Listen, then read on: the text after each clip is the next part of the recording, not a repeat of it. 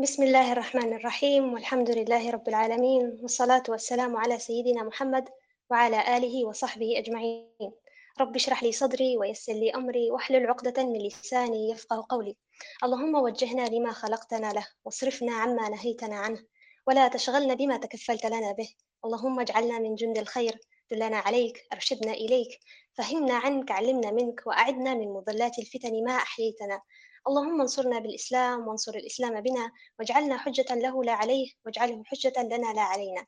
السلام عليكم ورحمة الله وبركاته. أهلا وسهلا بكم مستمعين الكرام في الحوارية التاسعة والسبعين من برنامج تساؤلات على قناة المنتدى الفكري الشبابي فسيل. وعنوان حوارية اليوم هو الحجاب والسفور بين الفطرة والحداثة. وضيفتنا اليوم ضيفة عزيزة وغالية علينا جدا وسبق وأن استضفناها في حوارياتنا أكثر من مرة. ضيفتنا هي الأستاذة منى. أهلا وسهلا بك أستاذة. نورتينا اليوم في البرنامج مرة أخرى. آه، أهلا بك هاجر الله يحفظك الله فيك. فيك بارك الله الله يعزك أستاذة. طبعا ضيفتنا منى أستاذة منى هي طالبة ماجستير أصول فقه في كلية العلوم الشرعية والإفتاء. الآن قبل ما نبدأ في المحاور بإذن الله على بركة الله حابة إني نقرأ عليكم اقتباس من مقال لماذا فرض الحجاب للأستاذ أحمد دعدوش. يقول أستاذ أحمد دعدوش منذ بزوغ شمس الإسلام وحتى انحسار الاحتلال الأوروبي عن بلاد المسلمين في منتصف القرن الرابع عشر هجري لم ينقل لنا التاريخ أي حادثة تدل على أن حجاب المرأة قد تسبب لها في يوم من الأيام بأي مشكلة وإذا كان التراجع الحضاري الذي استكان إليه المسلمون في القرون الثلاثة الأخيرة قد منح أعداءهم فرصة التعرض لقيمهم ومقدساتهم فإن قضية تحرير المرأة ما زالت إحدى أهم مداخل الغزو الثقافي التي يراد من خلالها خلخلة التماسك الاجتماعي للمجتمع الإسلامي ونسف قيمه الأثيرة التي تغوص في وجدان المسلم العادي. من أجل ذلك كان جسد المرأة المسلمة قبل عقلها هدفا مركزيا لسهام الغزو. وإذا كان الحجاب هو العائق الأول في طريق الوصول إليها كان لابد من اصطناع ثقافة متكاملة تحمل على عاتقها نسف الحجاب من اللاوعي الإسلامي بدءا بإشاعة الشكوك حول حكمه الشرعي وعلته وغايته ثم ربطه الدائم بكل الصور المنفرة. في سعي دؤوب لتنميط صورته على أنه الوجه السافر لكل ما هو مقيت ومنفر. انتهى هنا الاقتباس. أستاذة منى آه، قاعدين نشوفوا في الحرب على الحجاب حاليا آه، أشد على أشدها. فحابين كمحور أول وكتوطئة للموضوع حابين نعرفوا شو مركزية وأهمية الحجاب.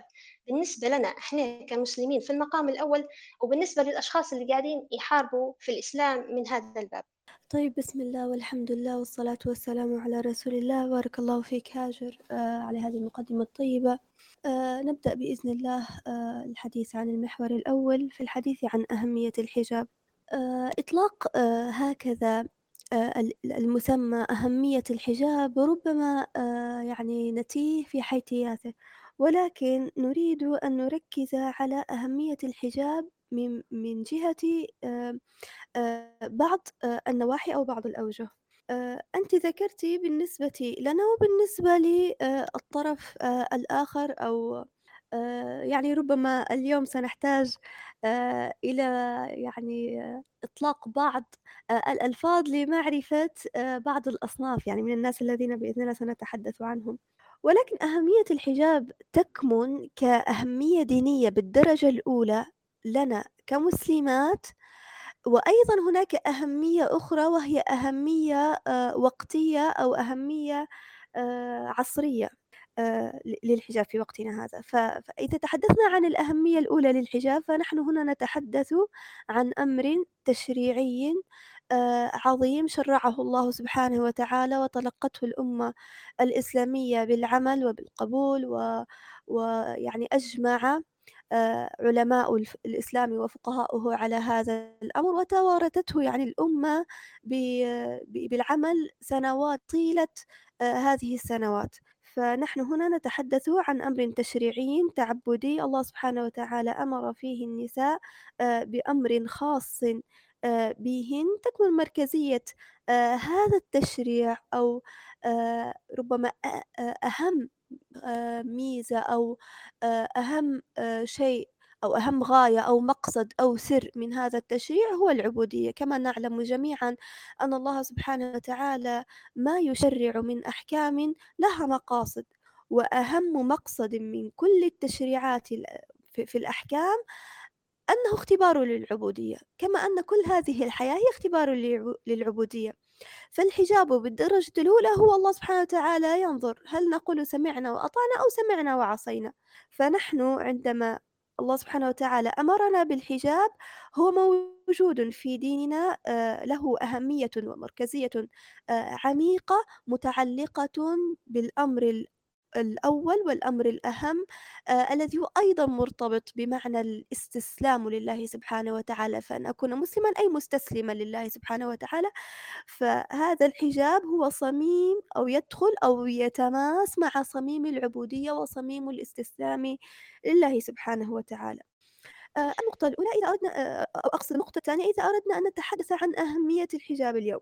آه أهمية الحجاب اليوم لا يمكن أن ننظر إليها آه، في سياق منفصل عن الواقع الذي تعيشه الأمة الإسلامية اليوم.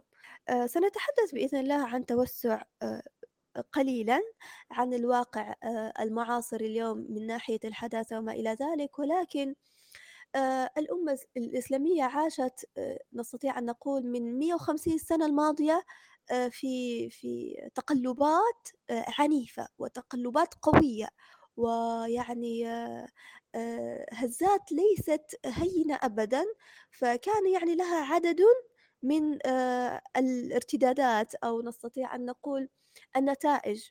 فمن ضمن هذه النتائج التي يعني جاء يعني مرت بها الأمة سواء مثلا موضوع الاستشراق أو موضوع الاستعمار بعد ذلك أو موضوع الاستعمار بشكل مختلف أو آه هذا العصر الذي يتميز بالاستضعاف والذي يتميز بالتشكيك والذي يتميز بمحاولة آه محو أي دور تقوم به الأمة آه ليس فقط يعني في أن تحافظ على نفسها ولكن أي دور ربما تقوم به ريادي أو قيادي على صعيد العالم أجمع. فكان يعني هنا الحجاب واحدا من آه، الملفات أو واحدا من القضايا آه، التي قدمت وفي فترة زمنية مبكرة. يعني بعض القضايا الآن تطرح القضايا الفقهية أو قضايا يعني متعلقة ببعض الأمور الدينية الأخرى ولكن تطرح مثلا من عشرين سنة فاتت من أربعين سنة فاتت ولكن لا. ملف الحجاب آه، طرح من السنوات الأولى لماذا؟ لأنه يحافظ على أمور اثنين مهمات هلبة الأمر الأول وهو الهوية. لما نكون مسلمة أنا رافعة هويتي معي. لما أنا نكون مسلمة أينما كنت في أي بلاد في أي مجتمع في في أي قارة آه، أيما كان الوقت في أي عصر آه، في أي محفل دولي أو محلي. أنا مسلمة أنا هويتي معي. يعني لا يمكن أن تنتزع هذه الهوية ما دمت أنا محافظة على حجابي. فهذه الهوية التي تميز المسلمة عما سواها هي تهديد لكل آه، يعني تماهي أو لكل عولمة أو لكل آه، يعني محاولة آه، خلط للأجناس وللأعراق وللشعوب وجعل يعني الهوية هوية واحدة كما تعلمون. يعني هذا هدف الآن ومحاولة يعني آه، يعني تخليص كل آه، شعب أو كل آه، قبيلة أو كل دولة من الأمور التي تميزها عما سواها. يعني حتى يصبح لكل الدول شكل شكلا واحدا آه، سياسيا وثقافيا ومجتمعيا وما إلى ذلك. الجميع يقرأ في مؤسسات دولية الجميع آه، يعني يتم علاجه داخل مصحات دولية وما إلى ذلك. فهذا الحجاب يمنع هذا الأمر. النقطة الأخرى أو الشيء الآخر آه، في في موضوع مركزية الحجاب فيما يتعلق بالواقع المعاصر موضوع ارتباط الحجاب بقضية المرأة وبملف المرأة وملف المرأة أيضا من الملفات التي تم الحديث عنها مبكرا. آه، ويعني إذا تحدثنا عن النسوية ولماذا ملف المرأة فالأمر سيطول جدا ولكن النسوية إحد آه، التيارات التي ظهرت لنا من جراء الحداثة والحديث عنها يطول. هذا هاجر باختصار وأتمنى ألا أكون قد يعني أطلت. إذا نسيت شيء يعني رجاء ذكريني بارك الله فيك. بارك الله فيك دكتورة وإن شاء الله ربي يشفيك يا رب العالمين. يعني سبحان الله النقاط اللي ذكرتها مهمة وأنا قاعدة نكتب فيها قصة الهوية والحجاب وكيف سبحان الله أن المرأة المسلمة المحجبة لما فعلا زي ما قلتي لما هي في كل مكان موجودة تقول أنا مسلمة أنا موجودة. فهذا الشيء قاعد يجعز في, في الناس اللي يعني هي ضد الحجاب وضد الإسلام وغيرها.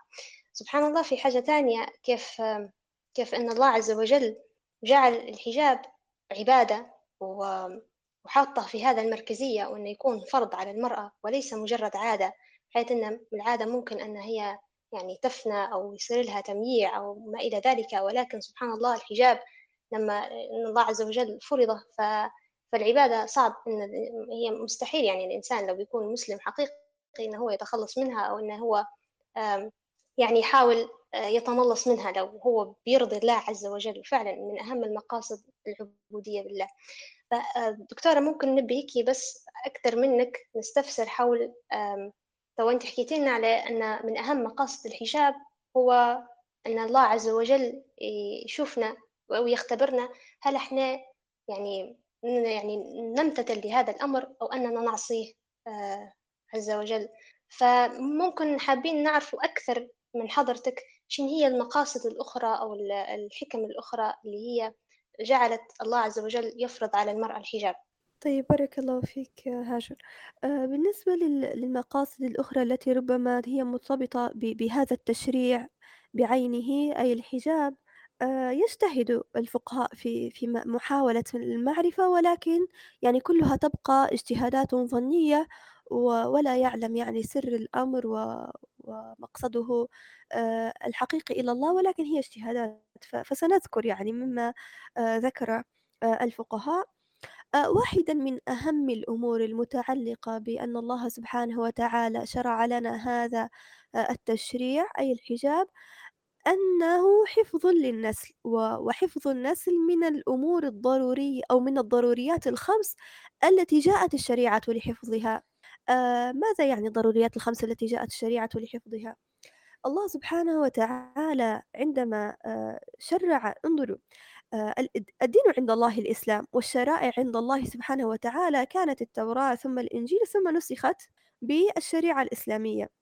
وهي الشريعة الأخيرة آه، التي فيها آه، يعني تفصيلات وتبيينات وأحكام آه، يعني فيها إصلاح وصلاح الناس في أمر دينهم ودنياهم في كل زمان ومكان. وهذه نقطة مهمة جدا وغاية في الأهمية ويجب أن ندركها بيقين وأن نعتقدها عقيدة راسخة في قلوبنا أن هذه الشريعة الإسلامية هي شريعة من عند الله سبحانه وتعالى ناسخة لما قبلها من الشرائع الإسلامية. والله سبحانه وتعالى قد أرسلها لأن فيها ماذا؟ صلاح الناس. في ماذا؟ ليس في أمر الدين فقط ولكن في أمر الدين والدنيا. وأنا عندما أقول في أمر الدين والدنيا أنا يعني هنا من تخصص السياسي فإن يعني حقيقة لا تشريعات ولا أحكام ولا قوانين تضبط آه، المجتمعات الإنسانية ويمكن للمجتمعات الإنسانية فيها أن تعيش وأن تتذوق آه، ثمار الحضارة والعمران ما دامت أنها بعيدة عن هذا المنبع الرباني. ففيها صلاح الدين والدنيا ليس فقط للعرب وليس فقط للمسلمين ولكن للبشرية. عامة في كل زمان ومكان وعندما نقول للبشرية عامة أي أنه للمسلمين وحتى غير المسلمين. فحتى غير المسلمين صلاحهم أو صلاحهم في الدنيا هو موجود في هذه الشريعة وإن اعتقدوا بأن الأمر خلاف ذلك. آه، فالله سبحانه وتعالى عندما أرسل هذه الشريعة عند نظر الفقهاء في الأحكام التي شرعها الله سبحانه وتعالى فوجدوا أنها تصب في في ضروريات خمس وسموها المقاصد الخمس أي أن كل الأحكام التي الله سبحانه وتعالى أرسلها أو التي شرعها هي إما لحفظ الدين أو لحفظ العقل أو لحفظ النفس أو لحفظ النسل أو لحفظ المال. فهذه الأمور تسمى الضروريات الخمس في الشريعة وبالنظر للأحكام الشرعية نجد بأنها كلها تصب في هذه الضروريات الخمس وتسعى لحفظها للناس. وعندما نقول لحفظها للناس ليس فقط للمسلمين ولكن حتى غير المسلمين فهذه الشريعة تحفظ الضروريات الخمس لهم حتى غير المسلمين. هذه الشريعة تحفظ لهم عقولهم ونفس ونسلهم وأنفسهم وأموالهم ودينهم أيضا. فعندما ننظر إلى الحجاب فإننا نجد بأنه يصب أو مصلحته أو النتائج التي تترتب عنه آه، تصب في جزئية حفظ النسل. الأمر الآخر أن هذا الحجاب آه، يساعد المرأة المسلمة على أن تحفظ هي نفسها وأن تزكي هي نفسها. وهذا يعني ربما الأخوات آه، المستمعات الآن يستطيعن أن يدركن معي هذه الحقيقة. فالمسلمة عندما تكون محجبة هي تحاول أن تضبط أو أن تضبط ظاهرها بباطنها فهي في مجاهدة مستمرة لنفسها حتى يوافق هذا الظاهر هذا الباطن. فتحاول أن تبتعد مثلا عن الوساوس أو عن الخواطر السيئة أو أن تصرف آه، ذهنها في التفكير عن الشواغل أو عن التفاهات. لماذا؟ لأنني مسلمة لأنني محجبة فأنا أربأ بنفسي عن مثل هذه الأمور. آه، أيضا أن من الأمور الجميلة في الحجاب أنه يظهرك للمجتمع على أنك عقل لا على على أنك جسد. وهذه نقطة آه، غاية في الأهمية أخواتي الكريمات وأنا يعني دائما حتى عندما تتحدث معي إحدى الأخوات عن النقاب مثلا فتقول لي يعني أنا في حيرة مثلا هل آه، أرتدي النقاب أو لا؟ أو فأقول لها دعي عنك يعني كل هذه الخلافات وركزي معي الآن. عندما تلبسين النقاب ما هي النتائج التي تترتب آه، بعد ذلك؟ ما على ماذا ستتحصلين؟ ستجدين أن من أهم الأمور التي تحصلتِ عليها أنِّك قدمتِ خدمة مجتمعية، كيف يعني أني قدمت خدمة مجتمعية؟ نحن المسلمات مأمورين بأن نرتدي الحجاب ومأمور الطرف الآخر ماذا؟ بأن يغض البصر، الطرف الآخر قد يكون مستجيبًا لأوامر الله سبحانه وتعالى ومترفعًا على أن ينظر فيما لم يحل الله سبحانه وتعالى له ويغض بصره ويتقي الله وقد لا يكون. طيب هذا الذي لا يكون أنا عندما أغطي وجهي أنا أفرض عليه أن يغض بصره شاء أو أبى؟ فأنا هنا أقدم آه، خدمة مجتمعية لهذا المجتمع المسلم وأرأف بحاله وأدفع به وأحاول أن أزيده من أن آه، يعني أساعده على أن آه، يعمل بهذه العبادة. فهذه نقطة جدا طيبة. والأمر الآخر الذي قلته أن أنك تظهرين المجتمع على أنك عقل لا على أنك جسد. مهما حاولنا أن نقول بأننا آه، يعني عمليين أو أننا مثلا آه، عقلانيين ولكن الإنسان إنسان. يعني نحن هذا الدين الإسلامي لا يتع... ليس دينا رهبانيا ولا يعني يتأله بالإنسان ولا مثلا يقول بأن الإنسان يترفع على أن يصبح ملك لا هذا الدين عندما شرعه الله سبحانه وتعالى شرعه للإنسان الذي هو روح وطين. هو روح وطين فهو يحترم جانب الشهوات الذي في الإنسان ولا يهمشه ولا يكبته ولكن يؤطره ويحكمه ويسيره في المسار الصحيح.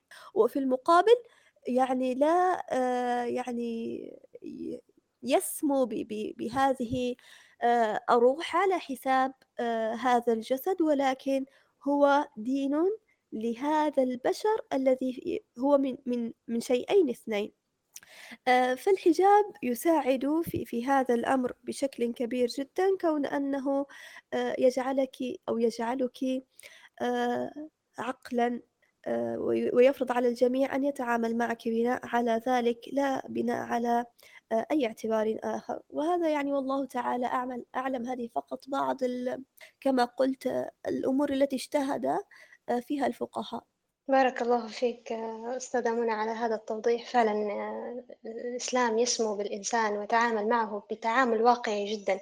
يعني سبحان الله نشوفه في الغرب كيف يقول لك لا أنتم درتوا الحجاب على خاطر المرأة بالنسبة لكم شيء يعني شهواني أو شيء ما.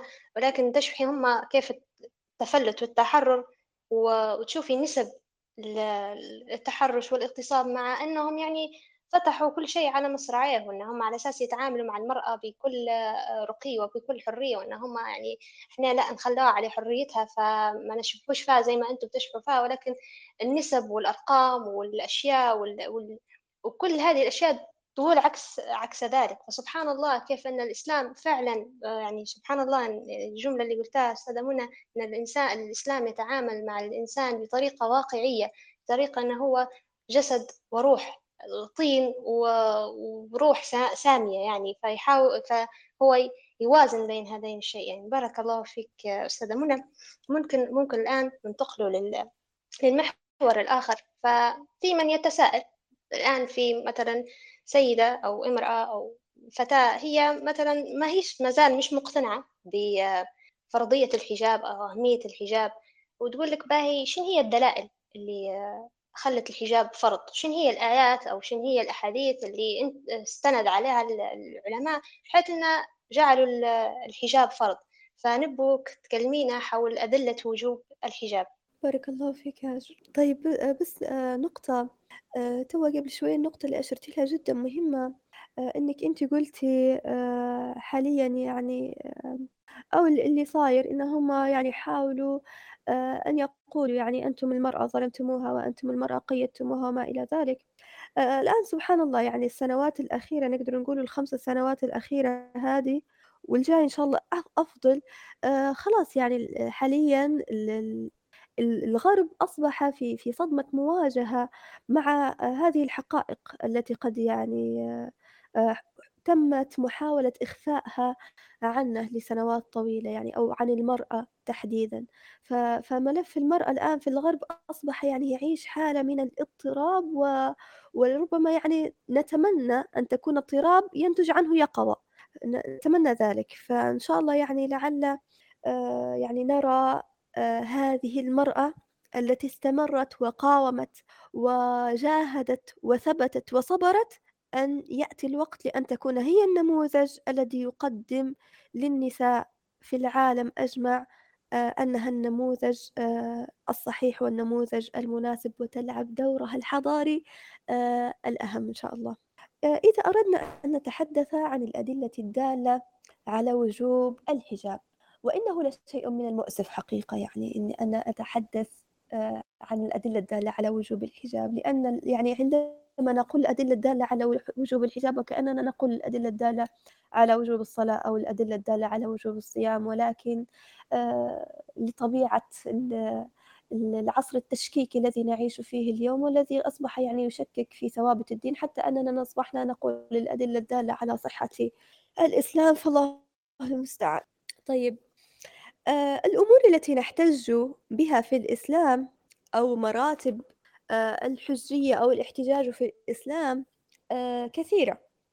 ولدينا مثلا في في أصول المذهب المالكي ما يقارب خمسة عشر أصلا من من الأصول آه، الفقهية. ولكن أهم ثلاثة مراتب الكتاب والسنة والإجماع. هذه تعتبر يعني تقريبا من إحنا صغيرين زمان في في في كتب التربية الإسلامية نلقوها يعني موجودة الكتاب والسنة والإجماع. فهذه أهم ثلاث مراتب احتجاج واليوم يعني حتى هذه مراتب الاحتجاج اليوم أيضا يشكك فيها.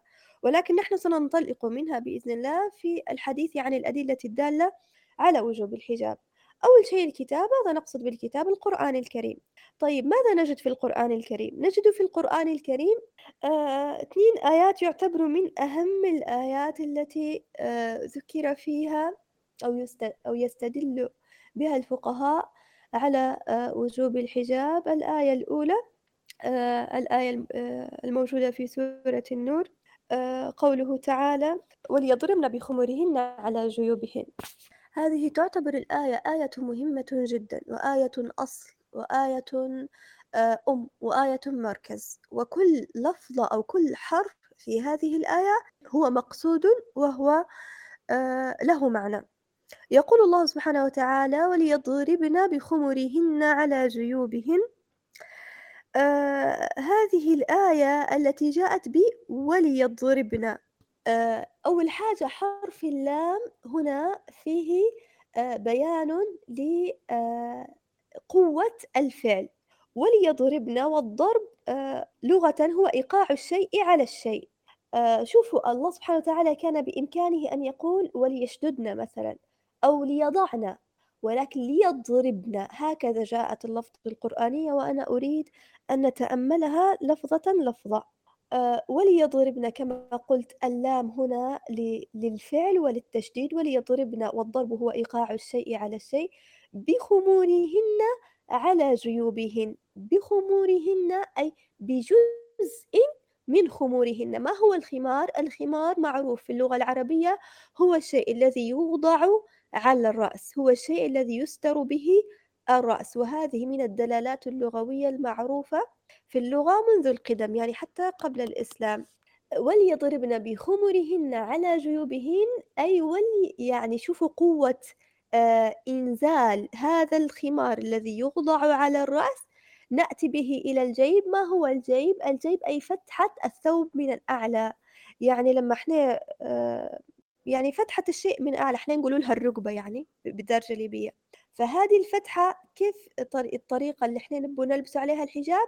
أن نأخذ هذا الغطاء الذي هو نضعه على الرأس ونشده من أطرافه لأن الله سبحانه وتعالى قال بخمرهن يعني أي جزء من هذا الخمار على جيوبهن فنغلق به هذا الجيب المفتوح من الأعلى.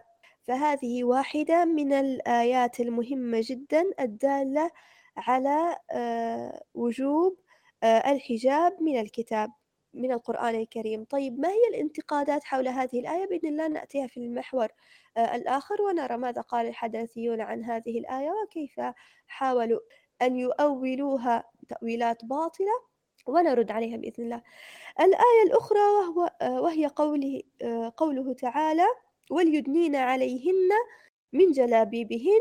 أيضا الجلباب هو الثوب الواسع الذي إذا جاء عليه الهواء أحدث صوتا يعني يسمى من آه، من الجلبة. تعرفون الجلبة في اللغة العربية؟ أي الصوت المرتفع الصوت الذي آه، يحدث بسبب الحركة فيسمى جلبة. فالجلباب هو الثوب الذي يكون فيه وزع فإذا جاء عليه الهواء أحدث صوتا لماذا؟ لأنه واسع.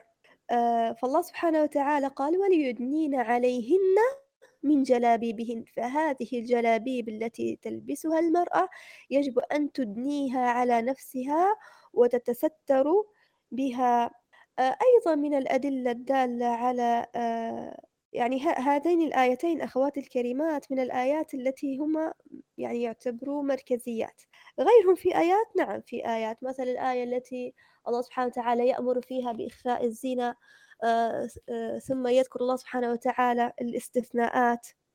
إلا بعولتهن أو أبنائهن أو أبناء بعولتهن وما إلى ذلك في سورة النور. أيضا مثلا لدينا الآية التي الله سبحانه وتعالى يذكر فيها حكم القواعد من النساء.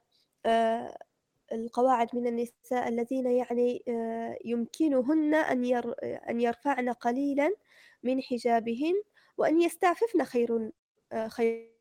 لهن كما ذكر الله سبحانه وتعالى في سورة النور.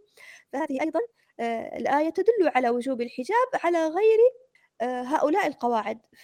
فهذه أيضا من الأدلة المهمة أيضا ولا يضربن بأرجلهن ليعلم ما يخفين من زينات من زينات من زينات الله المستعان من زينتهن فهذه الآية أيضا فيها دليل على ضرورة إخفاء آه، الزينة. آه، أيضا آه، يعني لدينا آيات كثيرة يعني ربما غيرها التي فيها يعني أيضا الآية التي ولا يبدين زينتهن إلا ما ظهر منها. فهنا مثلا فيها دليل واضح على ضرورة إخفاء الزنا وعدم إبدائها. ثم بعد ذلك ما هو الظاهر من الزنا؟ هذا جزء آه، ترك يعني للفقهاء لبيانه. فهذه كلها من الأدلة التي جاءت في كتاب الله سبحانه وتعالى الذي لا يأتيه الباطل من بين يديه ولا من خلفه والتي فيها آيات بينات واضحات قطعيات الثبوت وقطعيات الدلالة على آه، وجوب آه، الحجاب. الأمر الآخر أو الجزء الآخر وهو السنة. فالأحاديث الدالة على يعني وجوب الحجاب كثيرة جدا من السنة يعني ولا يمكن حصرها. والمميز في في جانب السنة والذي أريد أن أذكره تحديدا أن الحجاب من السنة المتواترة. فهذه يعني ليست سنة آحاد مثلا أي أنها قطعية أي أنها ظنية الثبوت أو ظنية الدلالة. لا هي سنة متواترة قطعية الثبوت والدلالة.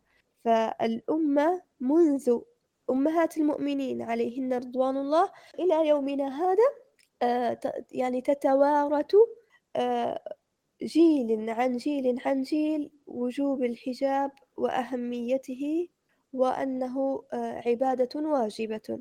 النقطة الثالثة الإجماع أي أن فقهاء المسلمين ومنذ يعني العصور الأولى التي ظهر فيها الفقهاء إلى اليوم لا يوجد فقيه إسلامي معتبر يقول بأن الحجاب ليس بفرض وهذه يعني الصيحات التي ظهرت في السنوات الأخيرة هي صيحات لم تكن أبدا من أهل التخصص الشرعي الإسلامي الفقهي وإنما سنجد بإذن الله في المحور القادم عندما نتحدث عنها أنها آتية من أصحاب آه، يعني تخصصات مختلفة ولأغراض أيضا مختلفة. ولكن آه، بالإجماع طيلة هذه القرون على مختلف المذاهب الفقهية وهذه أيضا نقطة مهمة. أي ليس مثلا أهل السنة فقط بل الزيدية والشيعة الإمامية والإباضية وغيرهم يعني من المذاهب الإسلامية والفرق الإسلامية جميعا. لا أحد يقول بأن الحجاب آه، ليس بفرض. فهذا هو آه، الأصل الذي نتكئ عليه. آه، نحن فمن جاء يعني أو من لديه شيء يخالفه نرد عليه بإذن الله بالحجة والبرهان. تفضلي هاجر. بارك الله فيك أستاذة منى. شكرا جزيلا على التوضيح. لفت انتباهي شيء سبحان الله. يعني تو إحنا لما قاعدين نتكلموا على فرضية الحجاب وزي ما قلتي يعني لما إحنا نقولوا فرضية الحجاب يعني كنا نتكلموا على فرضية الصلاة أو الصوم. إن الآن اللي شككوا في في الحجاب وفرضيته هم ناس ما لهمش علاقة ب يعني هم ما همش دارسين فقه أو ما همش دارسين علوم شرعية أو غيرها فيجي يشكك ويجي يعني للأسف يعطي أحكام وغيرها وهو إحنا للأسف فئة كبيرة تسمع لهذا الكلام وتخلي عقلها للأشخاص هذه. فنخلوا الناس اللي لها أصل في الموضوع ونسمع في, في أشخاص اللي ما لهاش علاقة بالموضوع أو هي ما هيش دارسة هذا الموضوع. أيضا يستحضرني حديث أستاذة منى حول سرعة استجابة المسلمات الأوائل لأمر الحجاب بسرعة يعني بمجرد ما نزلت الآيات.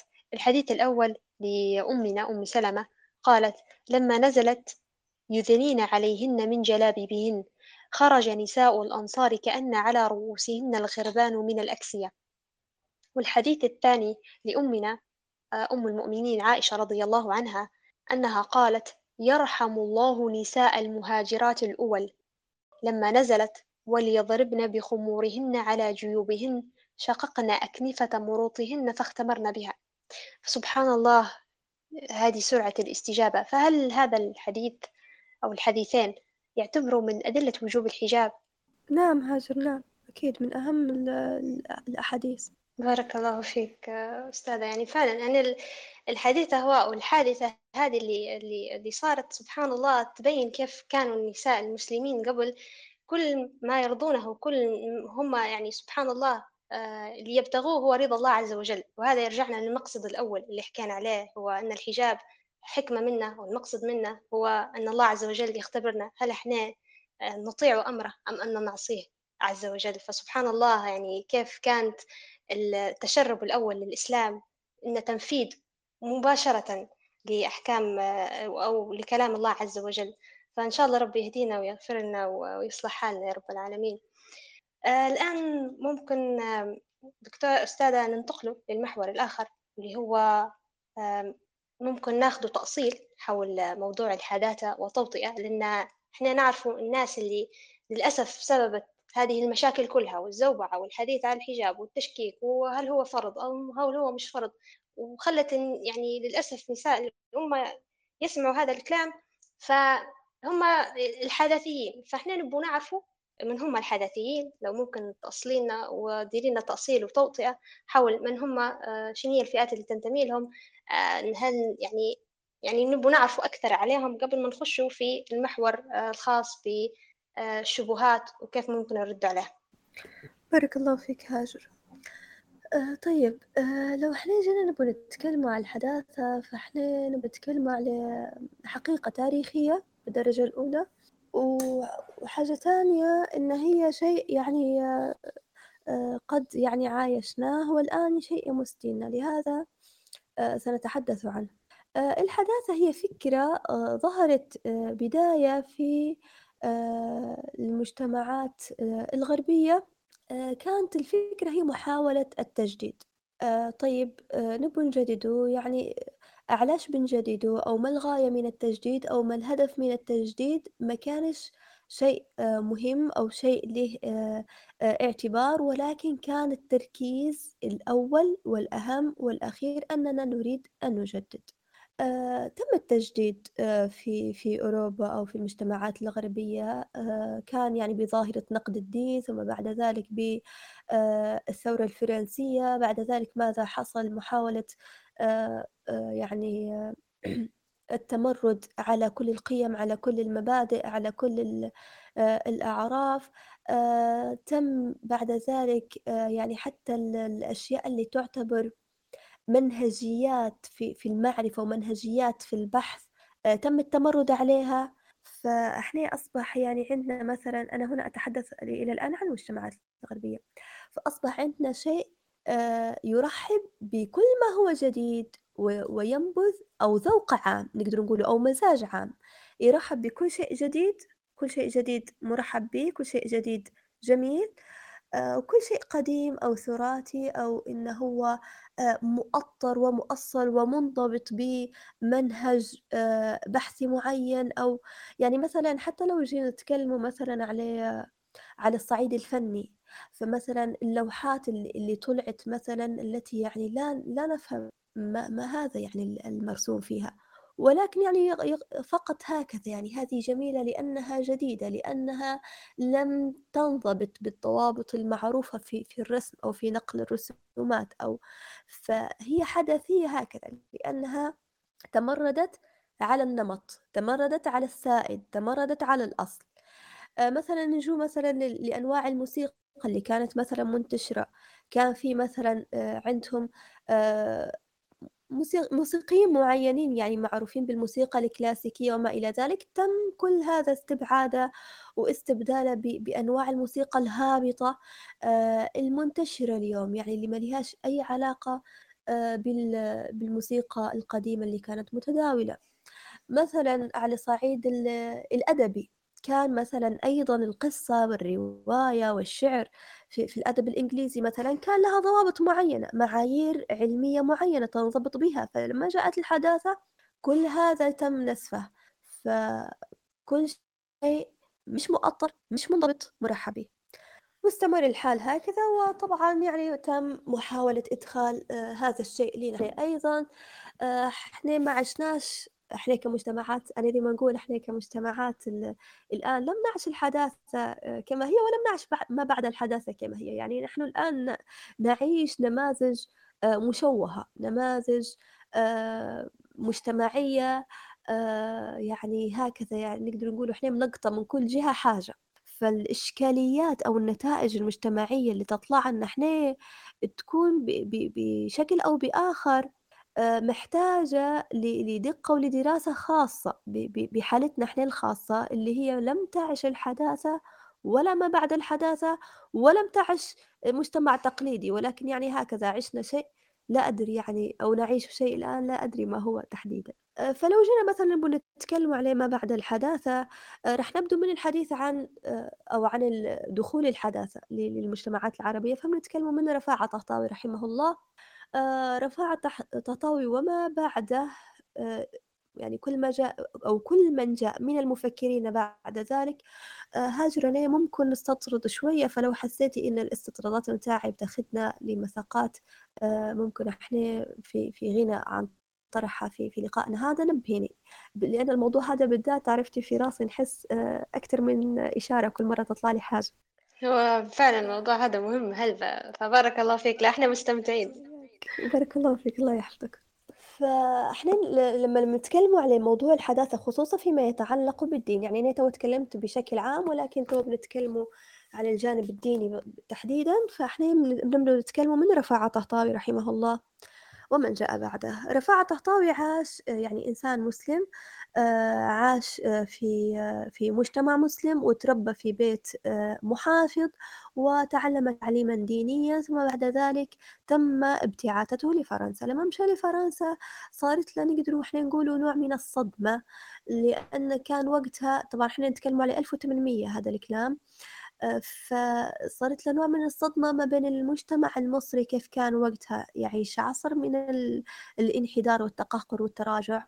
ويعني وقتها الأمة الإسلامية تعيش تشظي يعني كان هناك صحيح خلافة عثمانية قائمة ولكن أغلب العالم الإسلامي كان عبارة عن دويلات آه، تابعة لهذه الخلافة العثمانية بشكل رمزي وليس بشكل يعني حقيقي.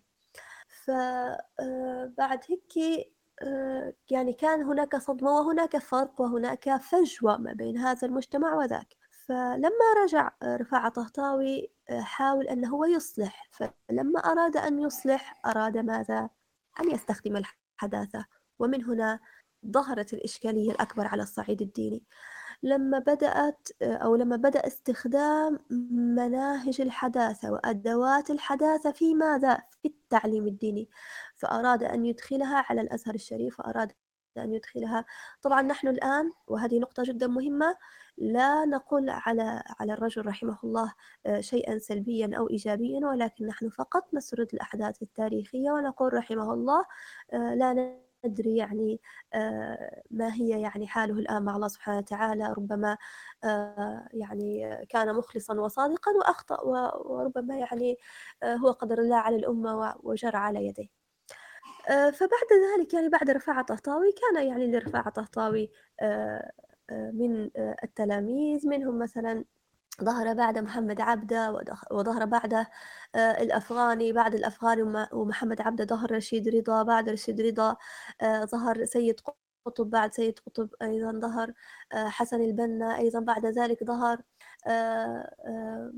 الشيخ الألباني رحمه الله طيب كل هادو اللي أنا تو ذكرتهم بشكل سريع جميعهم كان يدعو إلى ماذا؟ إلى تجديد الدين وإلى طرح الدين بطريقة جديدة طيب نحن نتفق في أهمية تجديد الدين في المجتمع المسلم المتقهقر أو المجتمع المسلم الضعيف الذي كانت تعانيه الأمة طيلة تلك السنوات الماضية ولكن الأهم كيف نجدد؟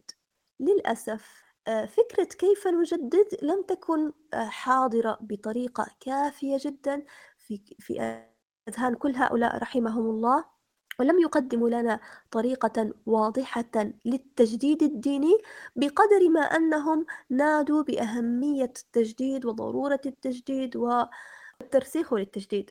طيب ماذا فعل عدد كثير عدد كبير من الأتباع وعدد كبير مثلا من من التلاميذ لكل هؤلاء الذين ذكرت أسماءهم الآن؟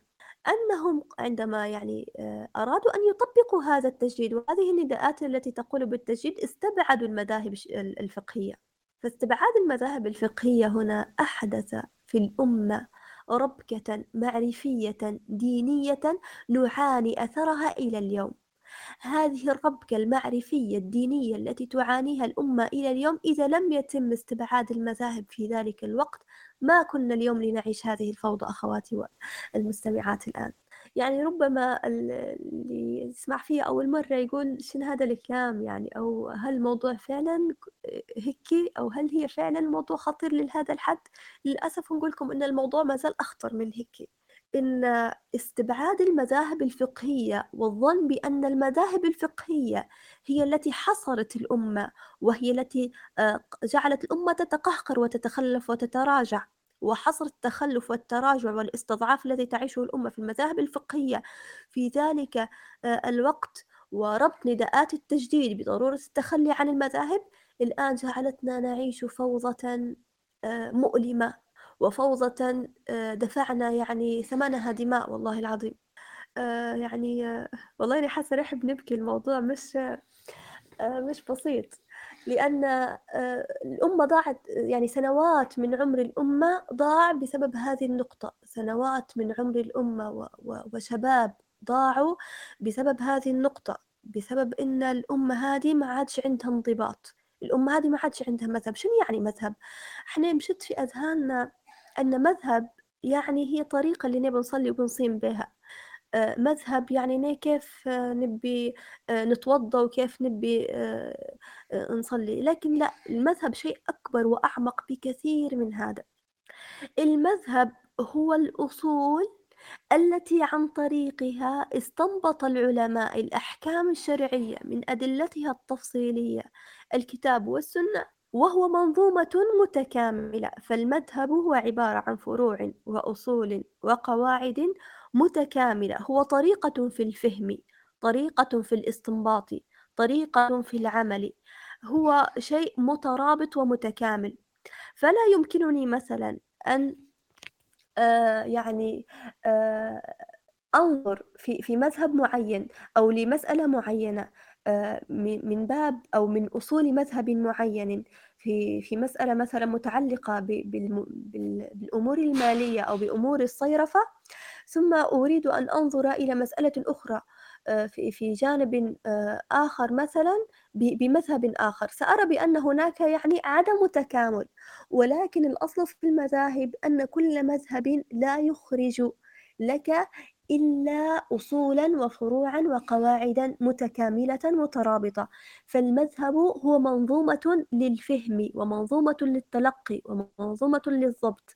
المذهب ليس, ليس لم يكن في يوم من الأيام شيئا للتعصب. نعم هناك أتباع متعصبين عانت منهم الأمة فترة من الزمن ولكن وجود هؤلاء الذين يتعصبون لا يعني بحال من الأحوال. أن نترك مذاهبنا وأن نخرج منها إلى هذه الفوضى التي عاشتها الأمة سنوات طويلة جدا وعانت فيها معاناة كبيرة. وإلى اليوم تعاني. والله إلى اليوم والله إلى اليوم.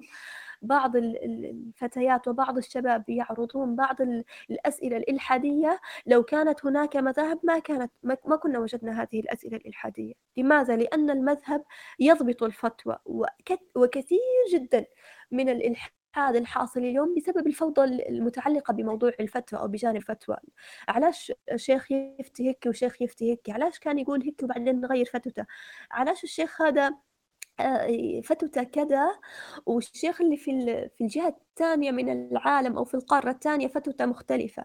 فكل هذه الأمور لا شيء يضبطها في الإسلام سوى المذاهب لأن المذهب كما قلت ليس فقط فروعا تعبدية وإنما هو فروع وأصول وقواعد ومنظومة للتلقي والفهم آه، بها نضبط آه، فهمنا للدين وتعاملنا آه، بالدين ومعرفتنا له وتديننا به حتى في خاصة أنفسنا.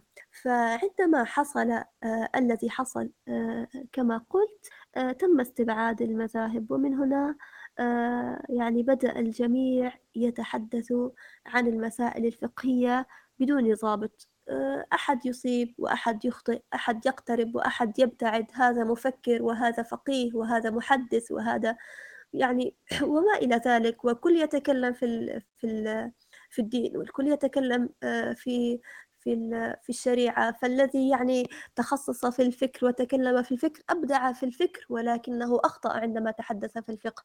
والذي تخصص في الحديث وتحدث في في أحاديث الرسول صلى الله عليه وسلم وصححها وصححها وبينها أفلح في ذلك ولكنه أخطأ عندما تحدث في الفقه بدون ضابط مذهبي. وكل هؤلاء يعني كما قلت عليهم رحمة الله آه، تعالى جميعا وجزاهم عن الأمة خيرا. ولكن لا بد لنا أن نصبح آه، على يقظة مما حصل في الماضي ونحاول أن آه، نصحح ما يمكننا تصحيحه فما نحن سوى ومضة في عمر هذه الأمة الممتد الطويل. فإما أن نكون ومضة نور وإما أن نكون ومضة ظلام. آه هاجر. آه لو في آه شيء ممكن نضيفه ذكريني بيه بس أنا أحس روحي آه تعبت شوية وممكن طلعت على المحتوى شوي. بارك الله فيك أستاذة. والله أنت تتكلمي على قصة المذاهب ونقول ليش إحنا ما نعرفوش عليهم بالكمية بالمعرفة الكبيرة؟ ليش يعني للأسف تعليمنا ما مش قادر يوصلنا جهود هذه العلماء هذوم العلماء يعني والتعب اللي تعبوه وال... يعني ما فيش حاجة سبحان الله في الإسلام. تم بذل مجهود فيها حتكون عبث بهذه الطريقة. يعني من فقهاء من محدثين من من مشايخ اللي وضعوا المذاهب. يعني شوف الجهد اللي بذلوه والطاقة اللي حطوها. والله شيء فعلا يعني يوجع القلب إن إحنا هالمجهود هدايا ما نعرفوش شيء ما, ما نعرفوش عليه شيء. جاء لدرجة إن زي ما قلتي يعني قاعدين إحنا آه يعني نتجرع في ويلاته إلى هذه اللحظة. فبارك الله فيك آه، أستاذة على هذه الإضافات. في سبحان الله لما قعدتي تتكلمي على قصة الاستعبار وكيف إنه هو أثر علينا بسبب الانحطاط اللي كانوا يعيشوا فيه المسلمين وهذه الابتعاثات اللي صارت والأشياء اللي يعني جت من الغرب. فسبحان الله يعني هم الاستعمار يعني دار هلبة أشياء سيئة في المجتمع الإسلامي ولكن أكثر من الأشياء تو إحنا ممكن موضوعنا على الحجاب اللي يأثر فيا لما قرأت الأيامات الماضية كيف أن كان الاستعمار الفرنسي شوف في الحجاب آه هو الشيء الجوهري اللي أنا لو قدرت المرأة هذه المرأة الجزائرية المحتفظة بهويتها وحجابها لو قدرت نقطع لها ون نزيل منها الحجاب فأنا هنا معناتها انتصرت على الجزائر. لأن نرجع للنقطة الأولى لأن الحجاب هوية إسلامية ويبي وهذا الشيء يضايقهم يعني سبحان الله. فهذه النقطة هلبة أثرت فيها في في في في وقت الدراسة؟ سبحان الله. فممكن الآن آه، يعني ننتقلوا في هو إحنا قاعدين في المحور هذا يعني نستوضح منك أكثر أستاذة كيف ممكن أثرت الحداثة على خلينا نقولوا على المرأة أكثر شيء خصوصا من ناحية الحجاب. في هلبة جوانب أثرت عليها فحابين ممكن تحكي لنا شوية عن الجوانب اللي أثرت الحداثة ودخولها للعالم الإسلامي على المرأة وعلى موضوع الحجاب. بارك الله فيك هاج. طيب آه نولوا لموضوع الحداثة.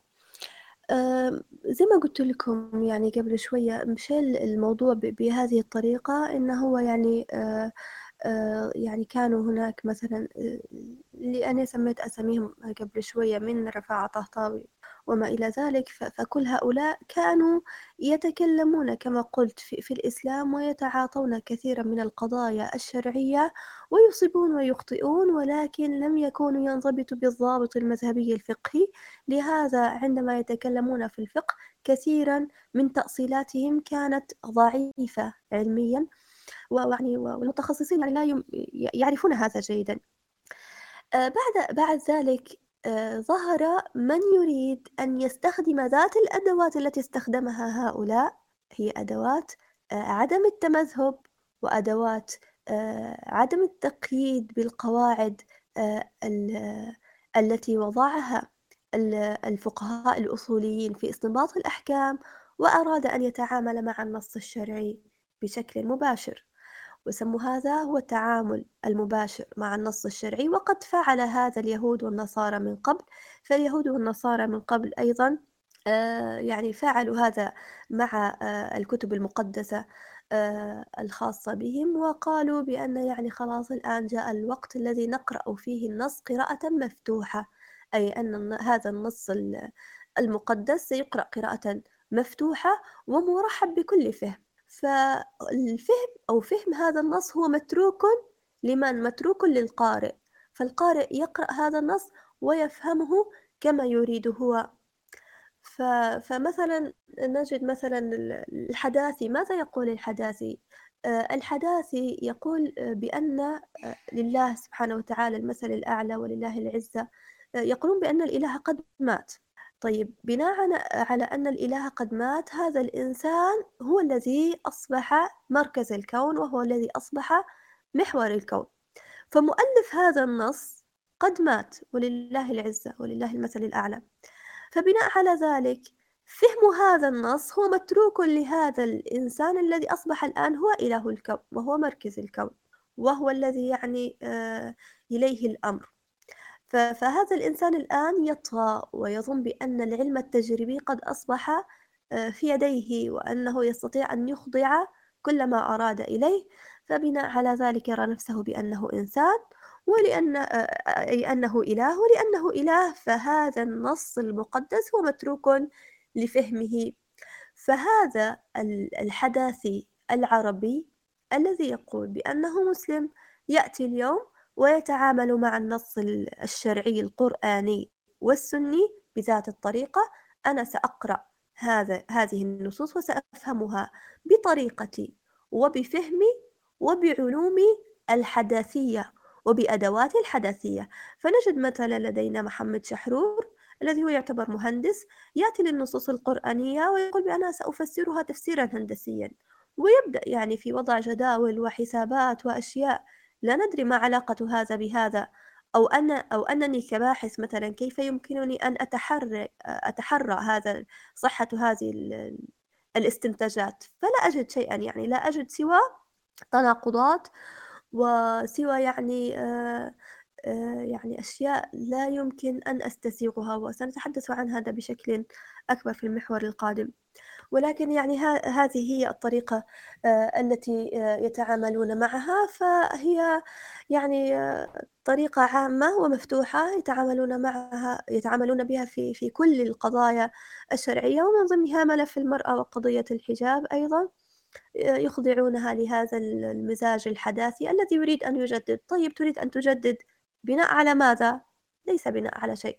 أن أجدد فقط لأني أريد أن أجدد فالحداثة هي التجديد من أجل التجديد والتغيير من أجل التغيير لا غير فلا يوجد هدف ولا يوجد آه، شيء واضح ولكن فقط نغير ونجدد إلى أن يصبح هذا الإنسان إنسانا هشا سائلا آه، مائها آه، لا معالم فيه ولا معالم لديه ولا مبادئ ولا قيم ولا قاعدة صلبة يقف عليها فهذا هو يعني للأسف الذي قد وصل إليه الإنسان. في الغرب وهذا الذي سيصل إليه الإنسان أيضا في الشرق إن لم آه، يعني يتوفانا الله برحمته ويتغمدنا بفضله ويصلح أمر أمتنا. بارك الله فيك أستاذة. فعلا يعني الأمر هو مؤسف جدا إن إحنا كمسلمين نتبع هذا النهج. وعلى ذكر سبحان الله لما ذكرتي قصة أن الآن بعد الثورة الصناعية أصبحوا يروا للعالم بشكل مادي هذا الأمر أصبح يعني في كل في كل شيء. حتى المرأة من إحنا للأسف أصبحت لما تذكر موضوع النجاح فهي تذكر من باب إني أنا هل موجودة في المجتمع؟ هل عندي تأثير؟ هل هل عندي صيت أو أو أو يعني مثلا مذكورة في المجتمع أو شيء من هذا كله؟ يعني لازم يكون عندي شيء مادي ملموس موجود. فوصل لهذا الأمر فأصبحت يعني هنا شوية تنظر للحجاب إنه هو عائق لها وإنه هو ما هوش مساعدها في النقطة هذه.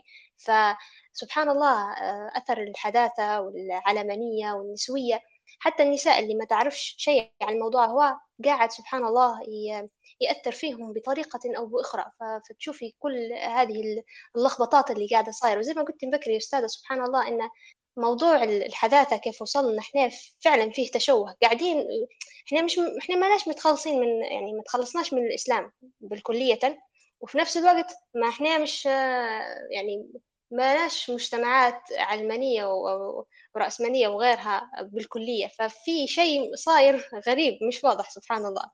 ف تو أنا تكلمت على هيك النقطة هذه متاع قصة المرأة. تشوف الحجاب آه، عائق لها. ممكن لو تحكي لنا آه، أستاذة على شنو الأشياء الأخرى اللي المرأة شبهات أثاره لها حول الحجاب وخلاها تشكك في آه، في الحجاب وفرضيته وأهميته وقاعدين يثيروا فيها الأيام هذه؟ ومن من يعني من أول ما بدوا في قصة التشكيك في الحجاب إلى هذه اللحظة. فلو تحكي لنا عن هذا المحور أستاذة بارك الله فيك. وفيك بارك الله. هاجر بس نقطة مهمة هل أنت ذكرتيها؟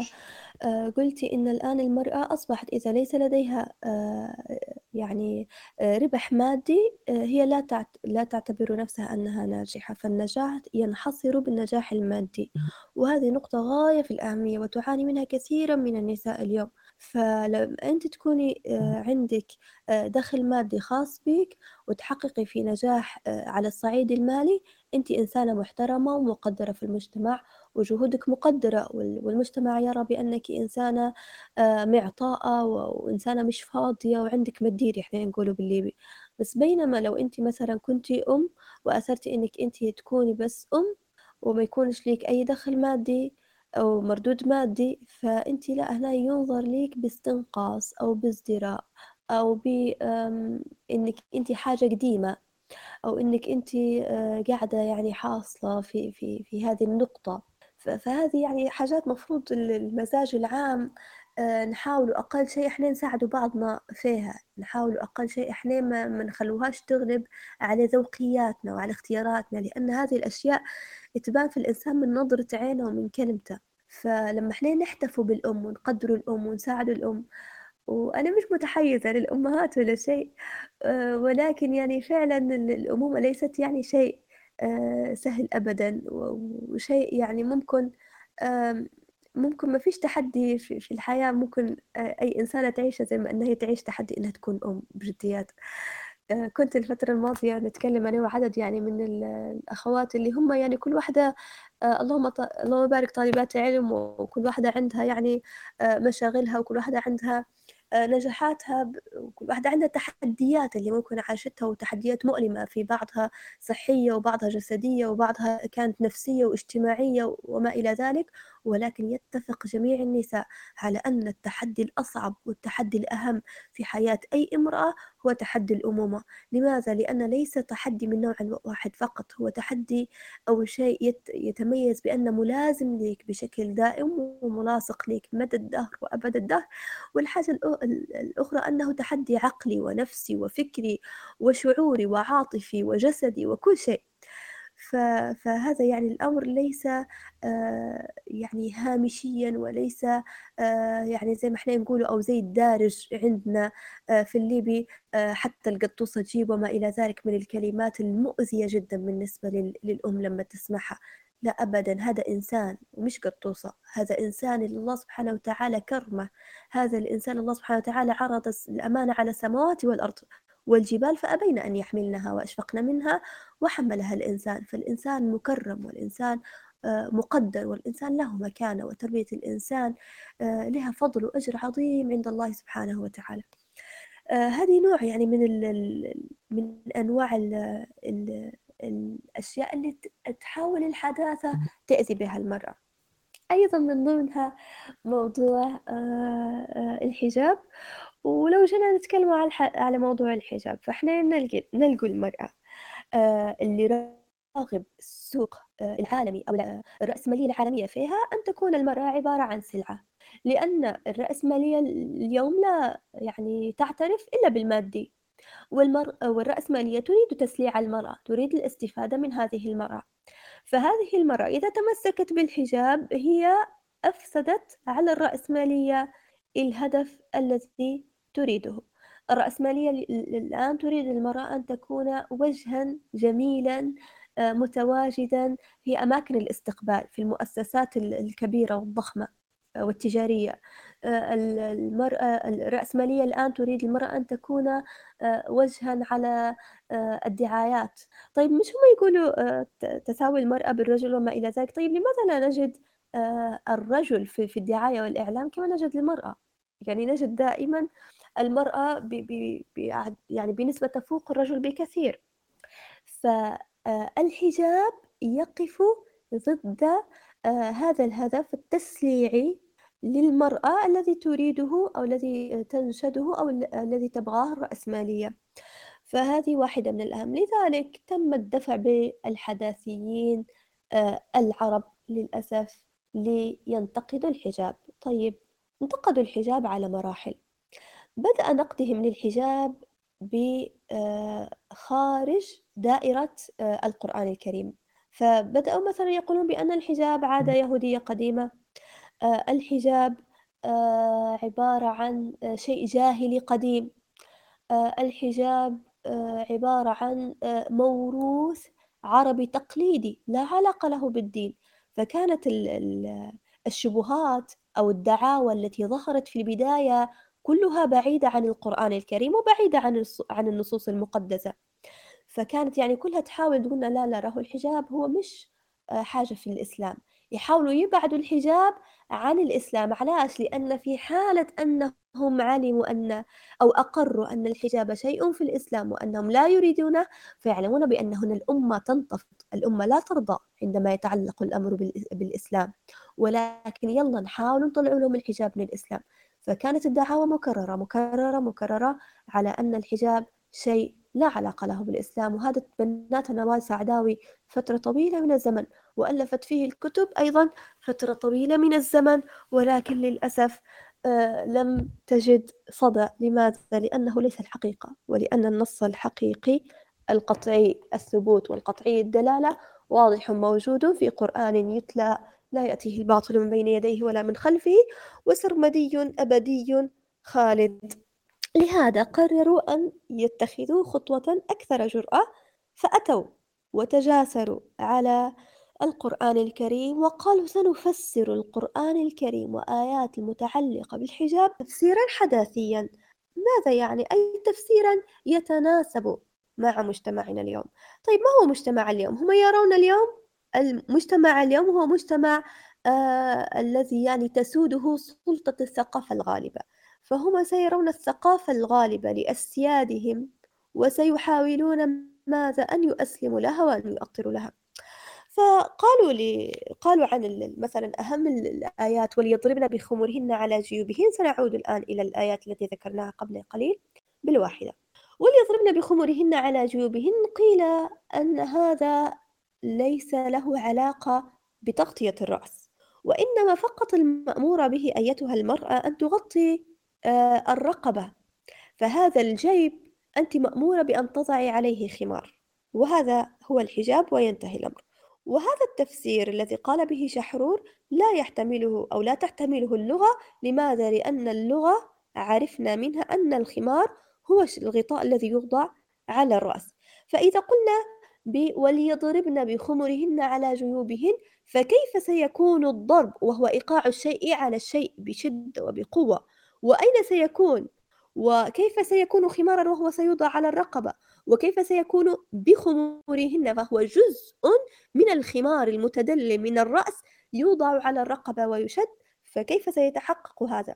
فهذا فهذا التفسير أو هذا التأويل غير مقبول أبدا ولا تحتمله اللغة ولم يقل به أحد من الفقهاء قاطبة طيب نأتي الآية التي آه، بعدها التي يقول الله سبحانه وتعالى فيها آه، وليدنين عليهن من جلابيبهن آه، ذكر الله سبحانه وتعالى في هذه الآية حتى يعرفن فلا يؤذين. فقالوا أن هذه الآية أو أن فرضية الحجاب جاءت في ماذا؟ جاءت في عصر الإيماء والأحرار. والآن لم يعد هناك إماء ولا أحرار فهذا الحجاب شيء أو لباس ليتم, ليتم التمييز فيه بين الأمة والحرة لذلك اليوم آه، لم يعد هناك إماء وحرار فيجب علينا أن نرفع هذا آه، التشريع طيب كيف يكون الرد على هذه آه، أو على هذا الإنكار؟ يكون الرد أولا أن الأصل في هذا الدين والأصل في هذه التشريعات الإسلامية أنها ليست منسوخة. الأصل وركزوا معي يعني ليس أي أحد يأتي ويقول عن حكم أو عن آية شرعية أنها منسوخة نصدق هكذا. الأصل في الأحكام وفي الآيات أنهم ليسوا منسوخات. وأن الأمر أو الحكم أو الآية التي يقول أحد بنسخها نسخها فعليه أن يأتي بدليل. الأمر الآخر أن هذا الدين الدين الإسلامي هو دين يقنن آه، لوجود الرق وهو دين يعني قد آه، حارب الرق بوجوه كثيرة جدا. وإذا أردنا أن نتحدث عن الرق في الإسلام فهذه يعني ربما تحتاج لحوارية أخرى منفصلة تماما. ولكن الذي يريد أن يتوسع في الحديث أو في معرفة تعامل الإسلام مع الرق فأنا أنصح جدا بالعودة لسيد قطب والنظر فيما صنف في هذا الجانب لأنه تحدث عن مسألة الرق بشكل من الاستفاضة الجيدة. ولكن الأصل مثلا على عجالة أن كل العالم كل العالم كان يعتبر الرقة أو الإيماء والعبيد نظام اجتماعي ممارس في جميع العالم. ليس في في جزيرة العرب فقط أو في الأمة المسلمة فقط. فجاء الإسلام وحرم الرقة وحرم العبودية وحرم آه، الاسترقاق ومنع جميع آه، منابع أو جفف جميع منابع الاسترقاق إلا منبعا واحدا. ما هو هذا المنبع؟ ركزوا معي لأن الكلام آه، ثقيل شوية وعلمي شوية ولكن مهم أيضا. أن الحرب الشرعية. شنو يعني الحرب الشرعية؟ الحرب الشرعية يعني الحرب اللي تكون ما بين مسلمين وكفار وتكون يعني فعلا هادومايا الكفار مش حابين إن هم يخلوا المسلمين في حالهم وحابين إن هم يؤذوهم. فهادو المسلمين مضطرين إن هم يدافعوا عن أنفسهم فيمشي يحاربوا هادو الكفار. هذه تسمى الحرب الشرعية. فهذه الحرب الشرعية لو كان فيها انتصر المسلمين وكان في آه، من هؤلاء المحاربين رجال ونساء ياخذوهم ويتم استرقاقهم. طيب غير هيك ما فيش. غير هيك ممنوع إنه يكون في أي مصدر من مصادر استرقاق الإنسان أو استعباد الإنسان في آه، في الإسلام. فهذه نقطة غاية في الأهمية.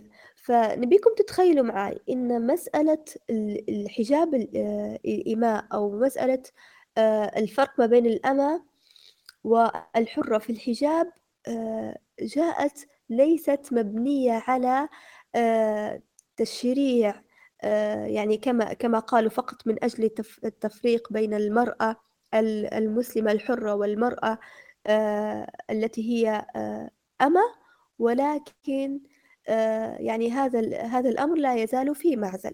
فإحنا لما تجي عندنا امرأة هي أصلا أساسا محاربة وأساسا آذت المسلمين وأساسا ما ما بتش تخش في الإسلام وبعد هيك شدها المسلم وهي آه، أسيرة أو شدتها الدولة المسلمة وهي أسيرة. و... ودخلت للإسلام ولكن يعني لم تعتق بعد. طيب الإسلام حبب وجعل كثير من كفارات الذنوب مرتبطة بماذا؟ بالعتق بعتق رقبة وكثيرة جدا. ويعني هناك يعني كثير من التشجيع في, في هذا الجانب. ولكن رغم هيك كان هناك إماء وقعد هناك إماء وعبيد لفترة يعني طويلة جدا في عمر الأمة المسلمة. كان لهم حقوق نعم لهم آه، ضوابط ولهم أشياء فقهية خاصة بهم نعم. يعني حتى مثلا السيد كان لازم إنه هو يزوج العبد متاعه كان ينفق عليه كان يعني له كثير من الحقوق. فهذه آه، الأمة قالوا الفقهاء بأنها لا تغطي وجهها وليس بأنها لا تتحجب. فهذه الآية ليس لها علاقة أبدا بالتفريق بين آه، الأمة والحرة في فرضية الحجاب في أصله ولكن في النقاب فالأمة لا ترتدي النقاب. آه، السبب الذي لا يجعل الأمة ترتدي النقاب ربما نتحدث عنه أيضا آه، في في لقاء آخر لأنه مرتبط بمسألة الرق ولكن هي الأمة أيضا عليها أن تلبس الحجاب. وهذه هذا فيما يتعلق بالآية التي قال الله سبحانه وتعالى فيها ذلك أثنى أن يعرفن فلا يؤذين فالأصل في أن يعرفن فلا يؤذين أي أن الأصل في أن يعرفن أنهن متعففات وأنهن طاهرات. وأنهن مسلمات فلا يقترب أحد منهن أو يأذي أو يأذيهن. ولكن لا يعني بأن الحرة في مأمن وأن الأمة آه، يعني لا بأس أن تؤذى. لا أبدا. لا لا لا لي لي الأمر ليس كذلك. ولكن الإسلام كما قلنا يحترم ويحافظ أو يحفظ الضروريات الخمس. أيضا من الأدلة أو من أقوال المنكرين فيما يتعلق بالحديث آه، عن بعض الأمور التي استشكل فيها الفقهاء أو التي اختلف فيها الفقهاء ولن أقول استشكل يعني ربما اللفظ الأصح هو اختلف. الأصل آه، آه، أن الفقهاء أجمعوا أن بدن المرأة وشعرها من الأمور التي يجب أن تسترها عن الأجانب. طيب ما هو حد اللبس أمام المحارم؟ اختلف الفقهاء في ذلك. طيب ماذا عن الوجه والكفين؟ اختلف الفقهاء. طيب ماذا عن ظاهر القدم من باطن القدم؟ اختلف الفقهاء. طيب ما هو الحد الأدنى من الزنا الذي يعني إلا ما ظهر منها والمستثنى في سورة النور؟ اختلف الفقهاء. فمنهم من قال الخضاب منهم من قال الخاتم. منهم من قال الوجه منهم من قال الطول والعرض منهم من قال لون الملابس منهم اختلف الفقهاء. ولكن جميع الفقهاء قد أجمعوا على أن البدن والشعر هذا شيء مفروغ منه وهذا شيء آه، يستر. آه، كثيرة يعني ربما هي الأدلة آه، التي أو الأقوال التي فيها إنكار منها مثلا ما هو متعلق بموضوع القواعد. فيقولون مثلا بما أن القواعد من النساء يمكنهن أن يقللن أو يضعن من ثيابهن. فهذا يعني بأن الأمر متروك مثلا للعرف أو أن الأمر متروك للعادة. فالتركيز على على مقصد أن اللبس يكون ساترا ولكن لا يعني هذا أن نتقيد بلبس معين بضوابط معينة. وهذا كما آه، يعلم أو يتبادر لأذهان المستمعين أنه يتنافى بشكل واضح جدا جدا مع آه، آه، الآيات الواضحة التي بينت لنا وليضربن بخمرهن على جيوبهن وليدنين عليهن من جلابيبهن. فالآيات واضحة بينة صريحة منضبطة لا لم لم يترك الشرع الأمر فيها متروك لتحقيق مقصد الستر أو مقصد آه يعني عدم آه مخالفة آه السائد وما إلى ذلك. ولكن هو الأمر منضبط بضوابط دقيقة جدا وقد تكلم الفقهاء في ذلك. هاجر إذا كان هناك يعني شيء معين أنا نسيت مثلا من أدلة المنكرين أو من دعا من الدعاوى التي ترين أن مهم الكلام حولها. رجاء ذكريني بارك الله فيك.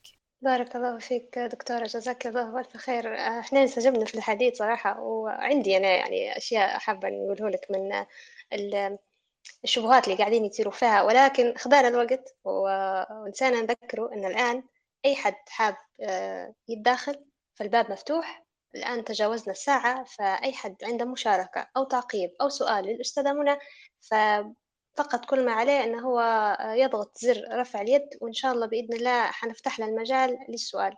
إلى حين يعني أي حد ممكن يشارك. في سبحان الله منى على قصة كيف الشبهات اللي تصير فيها. من نقطة الحجاب ليش فرض على المرأة ولم يفرض على الرجل يعني. فكان في تعليق طريف للأستاذ المهندس أيمن عبد الرحيم فيحكي إن الأمر هذايا سبحان الله الشبهة هذه حاجة غريبة يعني كل شيء في العالم يبوا يخلوه من نظام المساواة. الرجل المرأة محجبة فحتى الرجل محجب فهو قال يعني تخيلوا الرجل مثلا محجب كيف بيقاتل كيف بيجاد ونعرف إن إحنا يعني سبحان الله الله عز وجل آه، في المرأة أشياء تجذب الرجل يعني مجرد النظر عكس المرأة فالمرأة ما تتأثرش بموضوع آه، بموضوع أن الرجل يفتنها يعني مظهر في أشياء أخرى يعني تهتم بها المرأة غير مظهر الرجل. فسبحان الله يعني الله المستعان كيف إن هم يحاولوا بأي طريقة كانت يشوهوا الإسلام أو يخلوه آه، مادة أن كل شيء يشككوا فيه. حاجة ثانية إن لما قعدتي تحكي على قصة الحداثيين وكيف إن هم أصبحوا ياخذوا كل شيء من منظورهم يعني شيء مؤسف إن إحنا للأسف قاعدين نتأثروا بناس ممكن إن هي ما لهاش أي علم أو ما لهاش أي معرفة بالأصول اللي بكري قلتها ونعاود نقولها إنه العلماء أفنوا أعمارهم في بأن هم يعني سبحان الله يأصلوا هذا الدين ويحطوا الثوابت وجهد ومجهود كبير هلبة فسبحان الله الله المستعان. في واحدة من الشبهات أستاذة منى آه عندنا الآن مداخلة. ممكن بعدين نقول الأستاذة منى ترد علي على الشبهة هذه. الآن حنفتح المجال لماريا. تفضلي ماريا. وعليكم السلام ورحمة الله وبركاته. واضح. واضح جدا. تفضلي. أولا شكرا بارك الله فيكم وزاد الله نفعا بكم وبارك الله فيكم يعني منتدى بصفة عامة والحوارية هذه بصفة خاصة يعني. أنا توا حاليا يعني عايشة في فرنسا لي عشرين عام وفرنسا يعني أكثر بلاد أعتقد في العالم توا يعني محاربة للحجاب. ف يعني يعني يعني الموضوع هذا يعني يعني مثير للاهتمام يعني بالنسبة لي. يعني أنا ما عنديش أي سؤال ولا تعقيب على اللي قالته الأستاذة منى سوى أن بارك الله فيك. يعني يعني ديما محاضراتك قيمة لأنها تعطي وجهة نظر يعني جديدة وبحيث أن إحنا نفهم وجهة نظر الغرب ونفهم وجهة النظر ال ال يعني الحضارة الإسلامية. فهذا يعني شيء يعني يعني مهم جدا جدا جدا. والحاجة اللي كنت نبي نقولها يعني أرجوكم أرجوكم أرجوكم يعني لا تنسوا أخواتكم يعني في في فرنسا يعني خاصة يعني بالدعاء في هذا الشيء هذا. يعني لي الحمد لله عندي مساندة من عائلتي بصفة مش عادية وفي أشغال يعني أني كنت أطرد منها يعني يعني شخصيا لأني كنت أرتدي الحجاب. يعني في حاجات يعني الواحد إنما يعني يعني ممكن في ليبيا ما الناس ما يشوفوش في أهميتها لأن ما زالت ما ضاقوهاش ما ضاقوش الشيء هذا. و... ونسأل الله السلامة والعافية. لكن لو شفنا أخواننا في الجزائر والتاريخ اللي كان عندهم وتشويه للتاريخ و... والتشويه لتاريخ المرأة يعني اللي موجود في الجزائر حاجة غريبة. واليوم يعني في بعض البنات اللي يعني في في سن البلوغ في في المسجد يعني لما لما ندرس معاهم يقولوا لي يا ماريا راه إحنا ما نبوش نلبسوا الحجاب لأن متخوفات متخوفات من مستقبلنا وحنا اليوم البنت المحجبة يعني برا يعني يعني ني الحمد لله ما عمريش يعني عشت الشيء هذا أن حد مثلا ضربني أو شيء يعني لكن لكن أصبح موضوع الحجاب يعني يعني خطير خطير شوية يعني. والبنويت يقول يعني إحنا سبل أشغالنا يعني مش موجودة و... ويعني خلاص أجدادنا يعني متواجدين في فرنسا فما نقدروش نولوا لأي بلاد لأن إحنا مستوطنين في فرنسا يعني. فالمهم لا تنسوا أخواتكم يعني بالدعاء وبارك الله فيكم على الحوارية اللي كانت قيمة جدا جدا جدا. بارك الله فيك ماريا. إن شاء الله ربي يثبتكم وينصركم ويربط على قلوبكم فعلا يعني فرنسا الآن للأسف من أشد الدول اللي تحارب في الحجاب واللي تضيق على المسلمات غادي. إن شاء الله يا رب يعني يكون في عونهم. وإحنا فعلا في الدول العربية في نعمة ممكن ما مش عارفين قيمتها. فإن شاء الله إن شاء الله ربي يعني يربط على قلوبكم ويثبتكم وينصركم يا رب العالمين. أستاذة منى هل عندك تعقيب أو حابة تضيفي شيء؟ بارك الله فيك ماري الله يثبتكم يا رب ويقويكم و... والإنسان يحاول ما يخليش نفسه آه، بروحه بالذات في في الأماكن يعني اللي أو في البلدان اللي زي هذه يقوي نفسه مع ال مع الناس اللي هم خيرين وكويسين ويحرص إنه هو يؤدي آه، دور كويس. وفي اللحظة اللي تحسوا إنه خلاص ما فيش آه، شيء ممكن أنتوا تقدروا تصلحوا به أو تصلحوا يحاول الإنسان يفر يعني والله من مثل هذه الأماكن بالذات الجيل الصغير وجيل جديد. صعب هلبة يعني الموضوع بالنسبة ليهم مش راح يكون آه، سهل ولا راح يكون آه، ميسر. فاللي عنده آه، بنات صغار واللي عنده مثلا أخوات صغار وما إلى ذلك يحاولوا إن هم يشوفوا أرض الله واسعة فيهاجروا فيها ولكن يقعد الإنسان يعيش تحت هذا الضغط مش مش سهل. لو هو ثبت الجيل اللي بعده يثبت وهذه حاجة تخوف والله. الله يثبتنا جميعا. الله المستعان. يا رب إن شاء الله ربي يثبتنا يا رب العالمين. بارك الله فيك ماريا وبارك الله فيك أستاذة منى. آه الآن عبد الرحمن عندك مداخلة تفضل الكلمة معك. السلام عليكم ورحمة الله وبركاته. بارك الله فيكم جميعا بارك الله فيك أستاذة منى وهاجر. وأيضا مداخلة ماريا صراحة يعني لمستني كوني أنا يعني كشاب مسلم هنا حاليا في بريطانيا. آه، ممكن الوضع يختلف شوية على فرنسا لكن في هامش حرية آه، كويس. لكن نبي نحاول نوعا ما نبي نسلط نتكلم عن الموضوع هذا كمراقب. أنا طبعا مش أنت فمن الموضوع آه، بشكل شخصي ما يمسنيش لكن هذا بيمس يعني أخواتي زوجتي في المستقبل بناتي غيرها. فالموضوع لازم يكون عندي اطلاع ووعي به بشكل كافي. فمن الكتب اللي آه، أثارت نوعا ما آه، زادت نوعا ما من حدة فهمي أو آه، حساسية فهمي للموضوع هذا كتاب للدكتور سامي عامري. يتكلم فيه على موضوع الحجاب وكيف كان يعني أثبت يعني بالدلائل كل شيء انه هو شعيرة في في الديانات يعني موجودة سابقا. يعني هذا من ضمن الفطرة. لو إحنا آمنا أن الله سبحانه وتعالى خلق البشر من سيدنا آدم إلى الآن فهو أرسل أنبياء ورسل. فمن ضمن الشرائع واللي أنزلها مع الأنبياء والرسل أنه هو الحجاب يكون للمرأة. النقطة الثانية اللي هي اللي بنحاول نوعا ما نشوفه اللي صاير الآن من منظور ثاني اللي هو منظور زي ما قالت السادة منى ثقافة السلطة الغالبة اللي إحنا عايشين فيه. يعني تو ممكن معظم البنات لو بنفسر بحسب فهمي يميلوا لموضوع السفور أو يعني خلع الحجاب أو عدم ارتدائه أكثر شيء نحس فيه نوع من الضغط الاجتماعي أو الضغط المجتمعي اللي هو مرات مش نقصد بين الناس حواليها كذا لكن التعرض لوسائل الإعلام مثلا الأفلام والمسلسلات والعالم اللي يشوفوا فيه في التلفزيونات بشكل عام إنه يقول لك معظم كوكب الأرض نسائهم مسافرات العالم الأوروبي الغربي الآن اللي هو مسيطر وعليه الهيمنة والعالم الأمريكي وكل شيء نسائهم مسافرات فالمنتجات الألعاب كل شيء. بدا هذا أمر نوع صار نوع من كثرة التعود للنظر إليه صار نوع من التطبيع نوع نورماليزيشن أو هذا أمر عادي.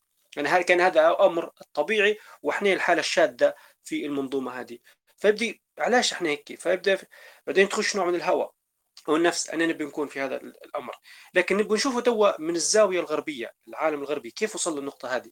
يعني أستاذ منى عرجت عليها لكن نحاول نقولها بعجالة ونتكلم على التفسير اللي ذكره عبد الوهاب المسيري في موضوع لما نتكلم على موضوع العلمانية في العملية العلمانية الشاملة العلمانية الجزئيه اللي صارت في العالم اللي هي انه في العالم الغربي بعد ما كانت الكنيسة مسيطرة بشكل قوي جدا وحرفت الدين فالناس صار في نوع من النفور أو لقيت إن أمر الدين هذا أمر غير سوي وغير لا لا يعني لا يتماشى مع العقل.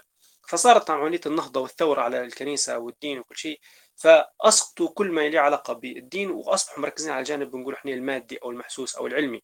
فهم ما عادش يؤمنوا بأي شيء غيبي ما عادش يؤمنوا بشيء متجاوز لهذا الكون. فإحنا أمورنا كلها مادية فنبغى نأخذ علومنا وأفكارنا وحتى أخلاقياتنا وش يضبط الخير والصح. من جانب المادي. فالإنسان أصلا نظرة الإنسان نفسهم. بدا ما عادش إحنا في المنظومة الإسلامية نشوف الإنسان يتكون من جسد وروح يعني هيك بشكل بسيط لو بنبسطها. لكن هم يشوفوا الإنسان عبارة عن مادة فقط عبارة عن خلايا يعني كهرباء تحرك فيه كخلايا عصبية تفاعلات عبارة عن تفاعلات كيميائية داخل الجسم. فهو عبارة عن مادة تتشكل وتتغير من مكان إلى آخر. فما عادش في الشيء المقدس في الإنسان هذا. برا مع الوقت مع الوقت بدا في نوع من الانسلاخ عن القيم الدينية أو القيم. فقالت هي قشور ظاهرة. للآن يعني عمال تشوف المجتمعات المسيحية وغيرها قاعدة فيه لكن بدأت تتلاشى بشوية بشوية بشوية بشوية. اللي صار في غياب المتجاوز هذا ظهرت موضوع اللذة. فالإنسان بيقدس نفسه وبده يسعى وراء اللذة زي ما يقول المسيري. فاللذة أي شيء يجيب اللذة هو هذا مطلوب. هذا هو الدين الآن. لذة مادية معنوية اللي هو يعني الجوانب هذه كلها بالكامل. فالإنسان بده آه، كيف إذا كان في شيء يعيق وصولنا لتلك اللذة فيجب إزالته. أي شيء يعيق هذا يجب إزالته. الحجاب هنا هو يوقف في النقطة هي أنه هو يمنع الاستمرارية في الموضوع هذا. فهذا اللي في العالم الغربي. بدا نوع من التفسخ وغيره. وبعدين جت الثورة يعني الجنسية في الخمسينات وغيرها فبدأ حتى اللي مراقب كيف اللبس بدا ينحدر ينحدر ينحدر ينحدر آه، إلى أن وصلنا للحالة الحالية الآن. وأيضا بعدين طلع نوع من يعني المرأة ما عادش تبي تشوف نفسها شيء كائن مختلف. يعني لا هي بدت تسعى لموضوع زي ما قالت المساواة مش رغبة منها بل بتحريك الآخرين لزيادة يعني الإنتاج أو الاقتصاد لأنه كان جزء معطل من المجتمع.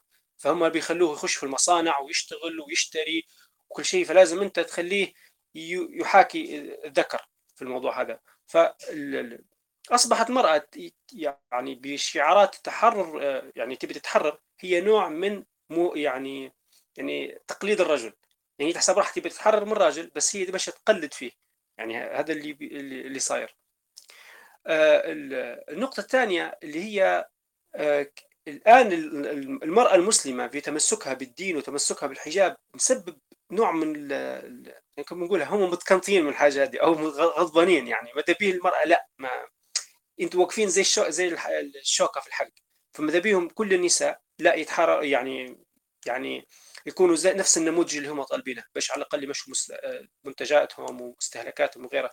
فمش عارف إذا كان وصلت الصورة لا ما أعرفش نعبر عليها بشكل كويس لكن هذا اللي صاير الآن في العالم الغربي. بدا بيهم ما يبوش آه هذا يصير. أنا نتكلم عن الموضوع مثلا جهل يعني السياسات أو الشركات لكن عامة الناس هم الآن في في الغيبوبة هذه.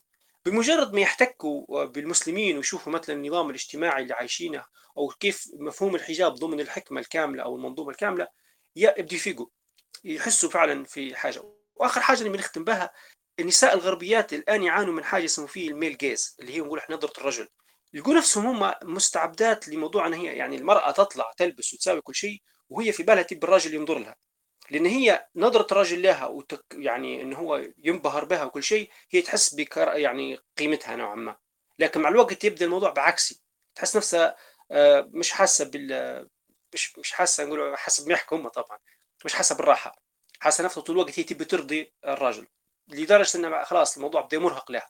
من ناحية تبي عملية تجميل ومن ناحية الرياضة ومن ناحية اللبس وكل شيء. فمن ناحية اقتصادية مرهق من ناحية نفسية مرهق. حاسة طول الوقت إن هي تجري ورا شيء مش قادرة توصل له. فمش عارف هذا اللي حبيت نقوله ولو عندكم أي تعليق آه، سامحوني لو أخطأت في أي شيء. بارك الله فيك. بارك الله فيك عبد الرحمن على النقاط المهمة اللي ذكرتها.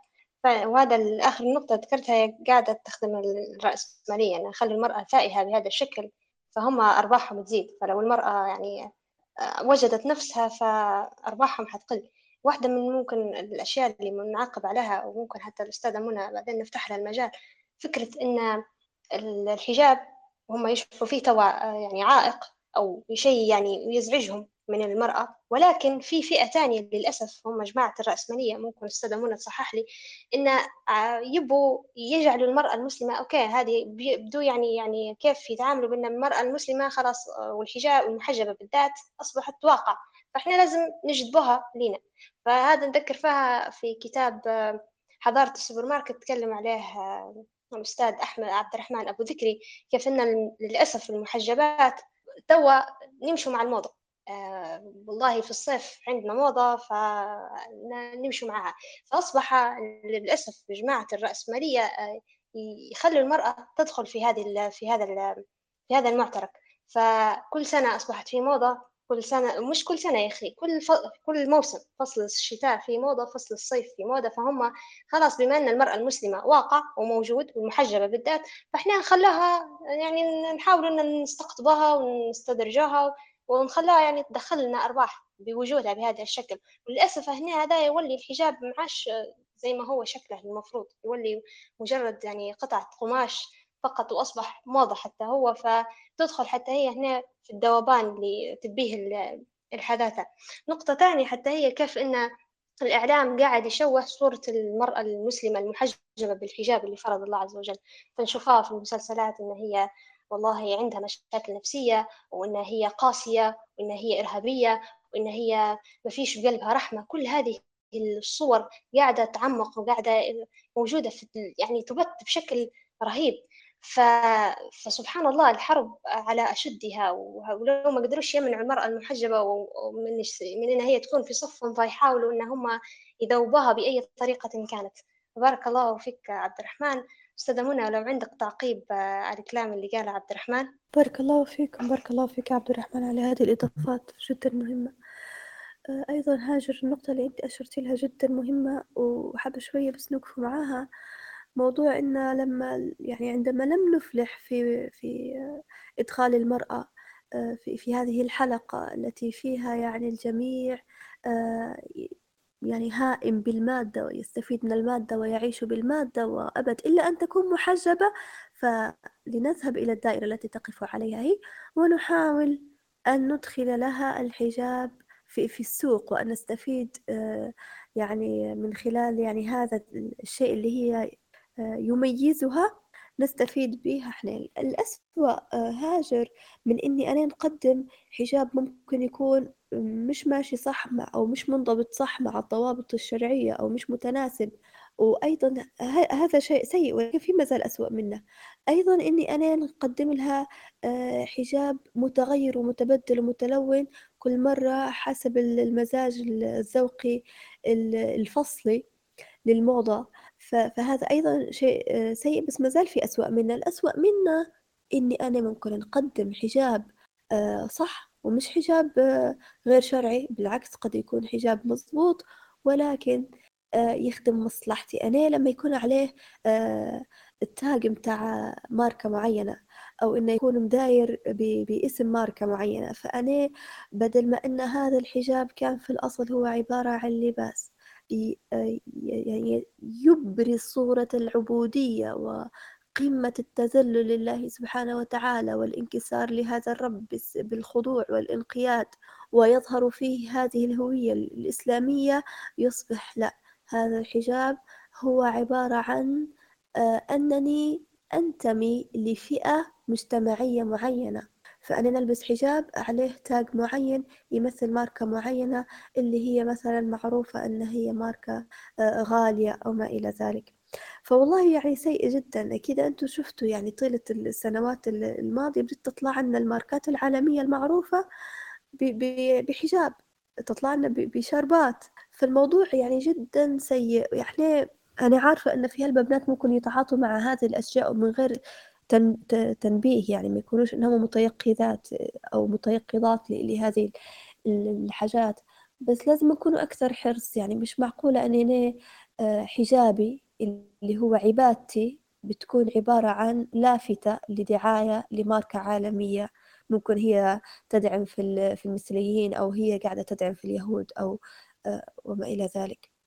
فحابين إحنا بس نكونوا ناس أذكياء شوية بس مش مش أكتر من هيك أيضا من الأشياء السيئة هاجر في, في موضوع الموضة والحجاب إن أنا نلبس آه، حجاب يكون أموره تمام ولكن لما نجي في جزئية إلا ما ظهر منها جزئية الزنا المستثنى من الحجاب واللي اختلف الفقهاء آه، في في جواز إظهارها انلقت كل الأقوال. فأنا مش منقبة مثلا ويدي مثلا نلبس خواتم وحدايد ونحط مثلا مانيكير وممكن نحط شوية مكياج بسيط خفيف ممكن آه، الكحل زينة ظاهرة فنحط يلا كحل. فنحاول إننا نلقط كل الأقوال ونطلع بهم على بعض. وهذه حاجة جدا خطأ ومن الأمور اللي لين بكري تكلمت عليها وقلت اللي آه، التخلي عن المذاهب ماذا؟ سبب لنا ربكة معرفية ودينية. هذه ربكة دينية. لما أنا في ديني نلقط أقوال الفقهاء ونمشيش أو ما نتمذهبش بقول فقهي واحد ديانة لله سبحانه وتعالى. فهنا يحدث ماذا عندي؟ يحدث عندي مشكلة لأن هذا الحجاب اللي أنا تو ملابساته واللي فسطه كثير من أنواع الزينة الظاهرة هذا ما يوافقش عليه أي واحد من الفقهاء. لأن كل فقيه قال بنوع واحد من الزينة الظاهرة ما قالش تعالي خلطيهم كلهم وأطلعي بيهم وقولي هذه زينة ظاهرة. فلازم ننتبه كويس لموضوع التمذهب. نرجع لموضوع التمذهب. أنا حجابي يكون على المذهب المالكي لأني ليبية مالكية. حجاب يكون بأوصاف معينة. الوجه والكفين عندنا جواز إظهارهم ومش حرام الكحل عندنا يعتبر من الزنا الظاهرة. طيب أنا مش راح نتكلم أكثر على الموضوع هذا وكل واحدة تقدر إن هي تفهم شنو هي زنا ظاهرة في المذهب المالكي وتقيد نفسها بها وما تزيدش عليها. لأن آه، الزيادة أو السماع كل مرة مرة قول شافعي ومرة حنبلي ومرة ف... ومرة حنفي وما إلى ذلك ونلعب في الحجاب هذا اللي قاعد يصير مش صح. نحاول نضبط أنفسنا حجابنا صلاتنا وضوءنا آه، آه، طريقة استفتائنا وطريقتنا في أخذ الفتوى والعمل بالفتوى وما إلى ذلك نحاول نضبطوه بالضابط الفقهي المذهبي. حتى ينضبط على الصعيد المعرفي وعلى صعيد ديانتنا أمام الله سبحانه وتعالى. إن شاء الله يكون كلامي واضح. بارك الله فيك أستاذة منى. فعلا والله نقطة كيف أن الإنسان يتمسك بالمذهب يعني قاعدين نشوفوا أهميتها. بارك الله فيك. لو أي حد عنده مداخلة أو حاب يسأل شيء أو حاب يعقب في هذا الموضوع فالباب راهو مازال متاح وإحنا مستق يعني نقدر نستقبلوا أي مداخلة الآن. في حاجة تانية أستاذة منى حول لو نرجع لنقطة الشبهات اللي قاعدين يثيروا فيها حول الحجاب. فكرة هو أثارها عبد الرحمن حتى هو فكرة أن تاريخ الحجاب. لما بحثت الأيام الماضية للأسف الموضوع هو قاعدين ياخدوا فيه من منطلقين. من منطلق أنه هو شبهة ومن منطلق أنه هو مش شبهة. يعني فكرة أن الحجاب موجود من منذ الأزل ما فهمتش كيف إنه هو ياخذ فيه يعني بطريقة إنه هو شبهة وإن هذا حاجة جاهلية. بينما هو يعني في الأصل يعني زي ما قال عبد الرحمن وزي ما نعرفوا إن هذه الحاجة موجود من قبل بسبب أن فيه أديان وفيه تشريعات سماوية كانت موجودة. شو ممكن تحكي لنا على نقطة هي الشبهة اللي هم قاعدين يثيروا فيها تاريخ الحجاب وأن الحجاب آه، عادة جاهلية؟ طيب هاجر هي هذه النقطة آه، في منهجية مهمة نبي نتكلم عليها قبل. هذه المنهجية في التعامل مع كثير من الشبهات حول الإسلام. آه، شنو هي هذه المنهجية؟ غالبا اللي يعطي فيه دعاوى أو اللي يقول في يعني تشكيكات أو إنكارات ينطلق من منطلق تصوره هو للإسلام وليس من تصوري أنا كمسلمة للإسلام أو من حقيقة الإسلام في ذاته. فهم يتصورون أن هذا الإسلام شيء جديد أو أن هذا الإسلام آه، حاجة هيك بروحها جت يعني أو أن هي شيء مختلف أو أن هي شيء منفرد أو أنها شيء آه، منقطع أو آه، تم يعني فصله عن باقي الحراك الإنساني الكامل. لا الإسلام مش هيك. إحنا في عمرنا في يوم من الأيام أو إحنا كدين مسلمين آه يعني أو كدين إسلامي قال لنا إن راهو لا أنتوا الإسلام أنتوا حاجة هيك فصلة يعني آه حاجة منقطعة عن البشر لا. إن الدين عند الله الإسلام ما إن الله سبحانه وتعالى آه يعني ذكر لنا كثيرا أنه ما أرسل الأنبياء ولا أرسل الرسل إلا ليقولوا لا إله إلا الله. وذكر الله سبحانه وتعالى أن إبراهيم كان حنيفا مسلما آه، أن الحواريين مع سيدنا آه، عيسى عليه السلام آه، كانوا مسلمين. ف فكثير يعني من الآيات التي تدل على أن الإسلام ليس شيئا يعني فجأة ظهر أو فجأة كان ولا علاقة له أو لم يكن له سابق لا أبدا. الإسلام هو أن نقول لا إله إلا الله محمد رسول الله. هو الاستسلام لله سبحانه وتعالى والاستسلام لله سبحانه وتعالى كان من اللحظة الأولى التي خلق الله سبحانه وتعالى فيها آدم وحواء ومن اللحظة الأولى التي أخذ الله سبحانه وتعالى فيها آه، الميثاق والعهد على بني آدم من من ظهر أبيهم آدم. فمن تلك اللحظة كان هناك استسلام وكان هناك إسلام لله سبحانه وتعالى. الله سبحانه وتعالى عندما آه، خلق آه، الخلق الأول آدم وحواء عليهم السلام أمرهم أن أن يستروا أنفسهم وأمرهم أن آه، يعني يخفوا عوراتهم. وهذا يعني فيه دليل على أن الله سبحانه وتعالى استحسن المس أو بني آدم مستحسن عنده أن يستر نفسه. فهذا الأمر يعني كان منذ البداية. ثم الشرائع التي جاءت من بعد ذلك هي كلها نحن نؤمن أنها من عند الله سبحانه وتعالى. ولأنها من عند الله سبحانه وتعالى فكثيرا من التشريعات التي جاءت فيها هي موافقة لما جاء في الإسلام. وما جاء الإسلام إلا ليكون آه، يعني مصححا ومبينا لما قد أفسدوه آه، هما وما قد حرفوه هم في الشرائع السابقة وأنه أيضا هو الخاتم المهيمن على ما جاء آه، من قبله. فهذه نقطة جدا مهمة في الإسلام مش شيء آه، منقطع أو شيء منفصل. آه، النقطة الثانية إن بناء على ذلك فموضوع إنه يكون في حجاب أو يكون في ستر أو يكون في غطاء مفروض في في في الديانة المسيحية أو الديانة اليهودية أو مثلا كان في في في مجتمعات أخرى كان فيها فطرة سليمة. هذا مش يعني آه، يعني طعن بدرجة ما أنه هو دليل وتقوية على صحة ووجوب هذا آه، الحجاب. بارك الله فيك أستاذة منى. في حاجة ممكن أخيرة. لو ما فيش أي مشاركات طبعا حابين أحب أي حد ممكن يتداخل. في حاجة أخيرة ممكن نبي نسألك عليها. هو يعني تو إحنا عرجنا على هالبأمور وقاعدين نشوف العالم من حولنا كيف يعني أصبح ينظر للحجاب وقصة الموضة والحداثة والنسوية وما إلى ذلك. كيف مثلا لسيدة عندها أطفال خصوصا بنات كيف ممكن تحببهم في الحجاب من صغرهم؟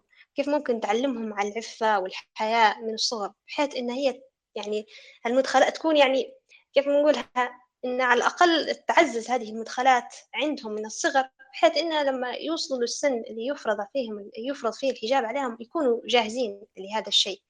فمن منطلق يعني هذا المنطلق كيف ممكن تنصحي الأمهات إن هم يكونوا يدعموا أبنائهم أو بناتهم خلينا نقولوا في هذا الأمر ويحببوهم في الحجاب والعفة والطهارة من من من الصغر يعني.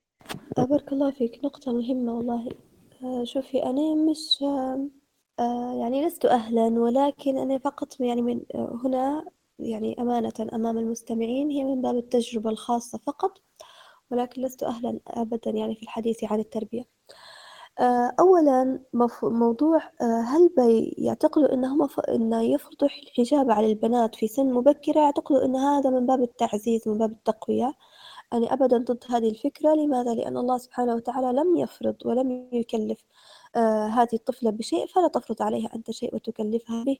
فلو يعلم الله سبحانه وتعالى أن الخير في في ذلك لا كان الله سبحانه وتعالى قد أمر. وهذا يعني أرى فيه جسارة وأرى فيه قلة أدب مع الله سبحانه وتعالى. فيجب علينا أن نتوقف في المواطن التي وقفنا الله سبحانه وتعالى فيها وألا نفرض على أحد شيء لم يفرضه الله سبحانه وتعالى عليه.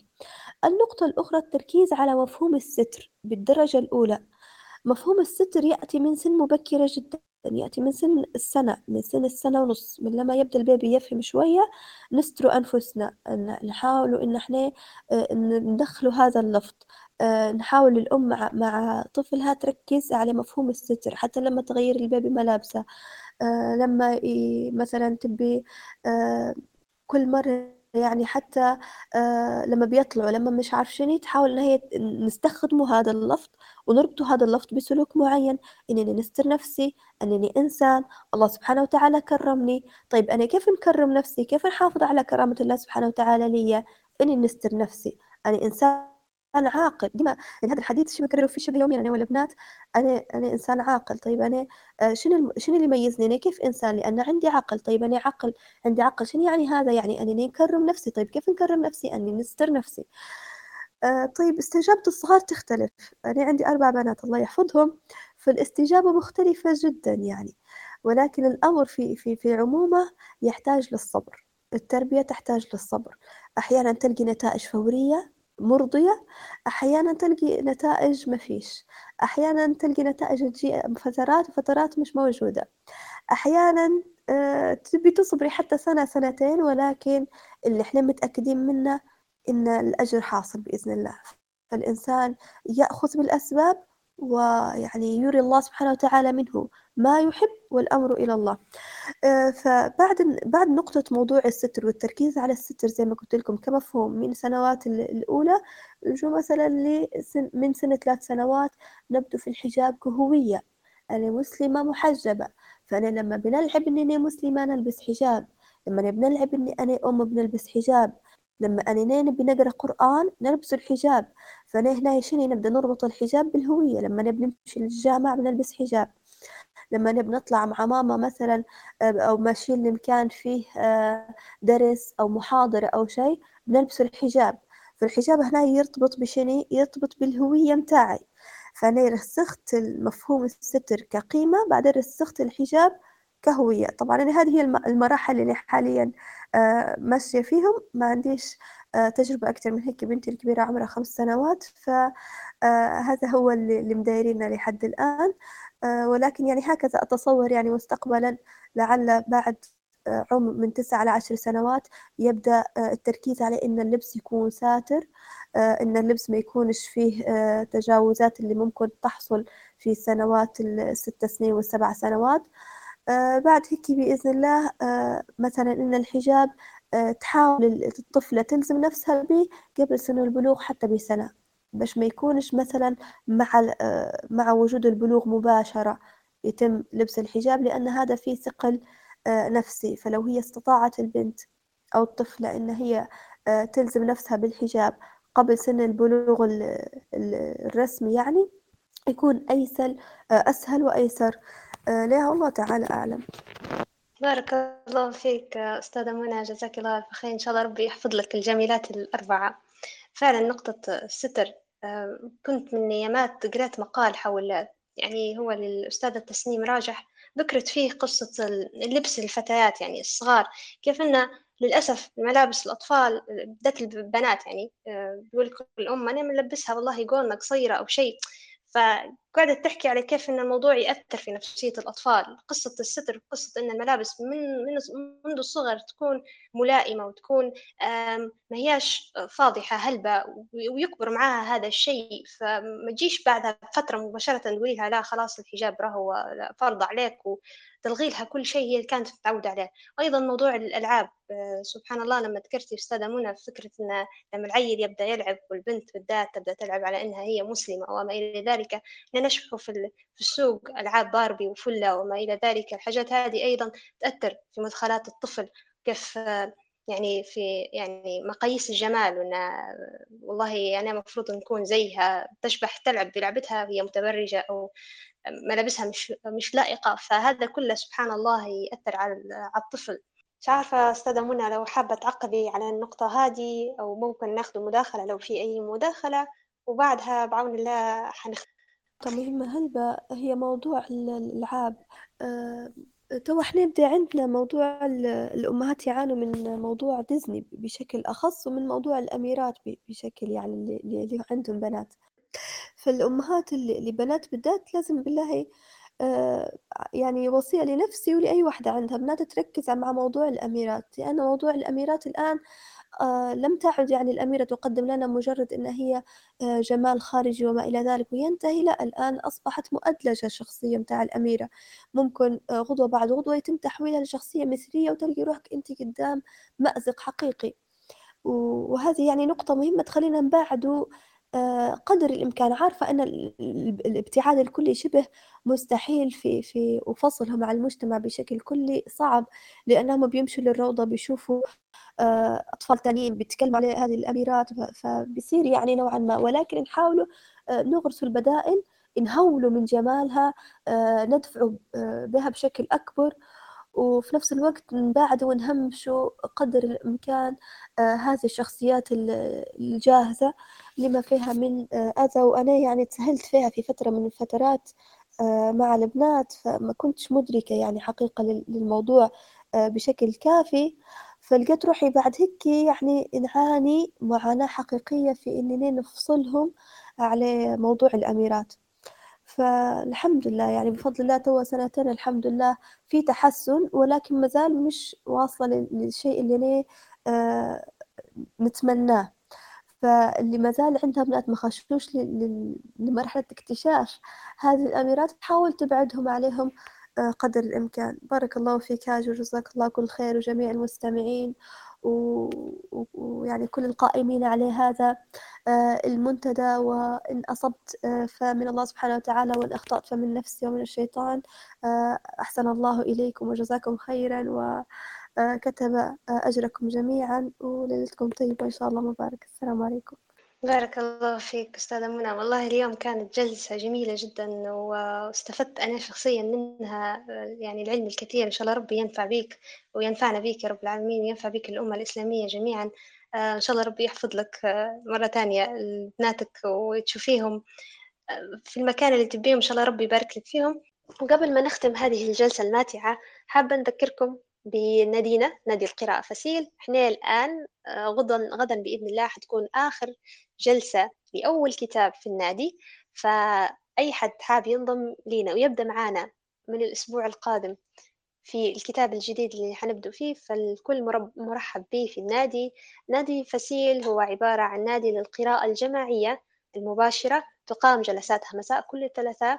ما فيش أي تقييد ممكن تكون معانا كمستمع ممكن تكون معانا كقارئ أيضا المساحة مفتوحة لأي حد حاب يكون من ضمن القراء معنا أو لو أنت حاب تشاركنا بتعقيباتك أو تساؤلاتك حول ما نقرأه فأيضا مساحة مفتوحة لأن النظام اللي ماشي به النادي هو عبارة عن جزء للقراءة وجزء للنقاش وتلاقح الأفكار فأي حد حاب ينضم للنادي فمرحب به وأهلا وسهلا بكم.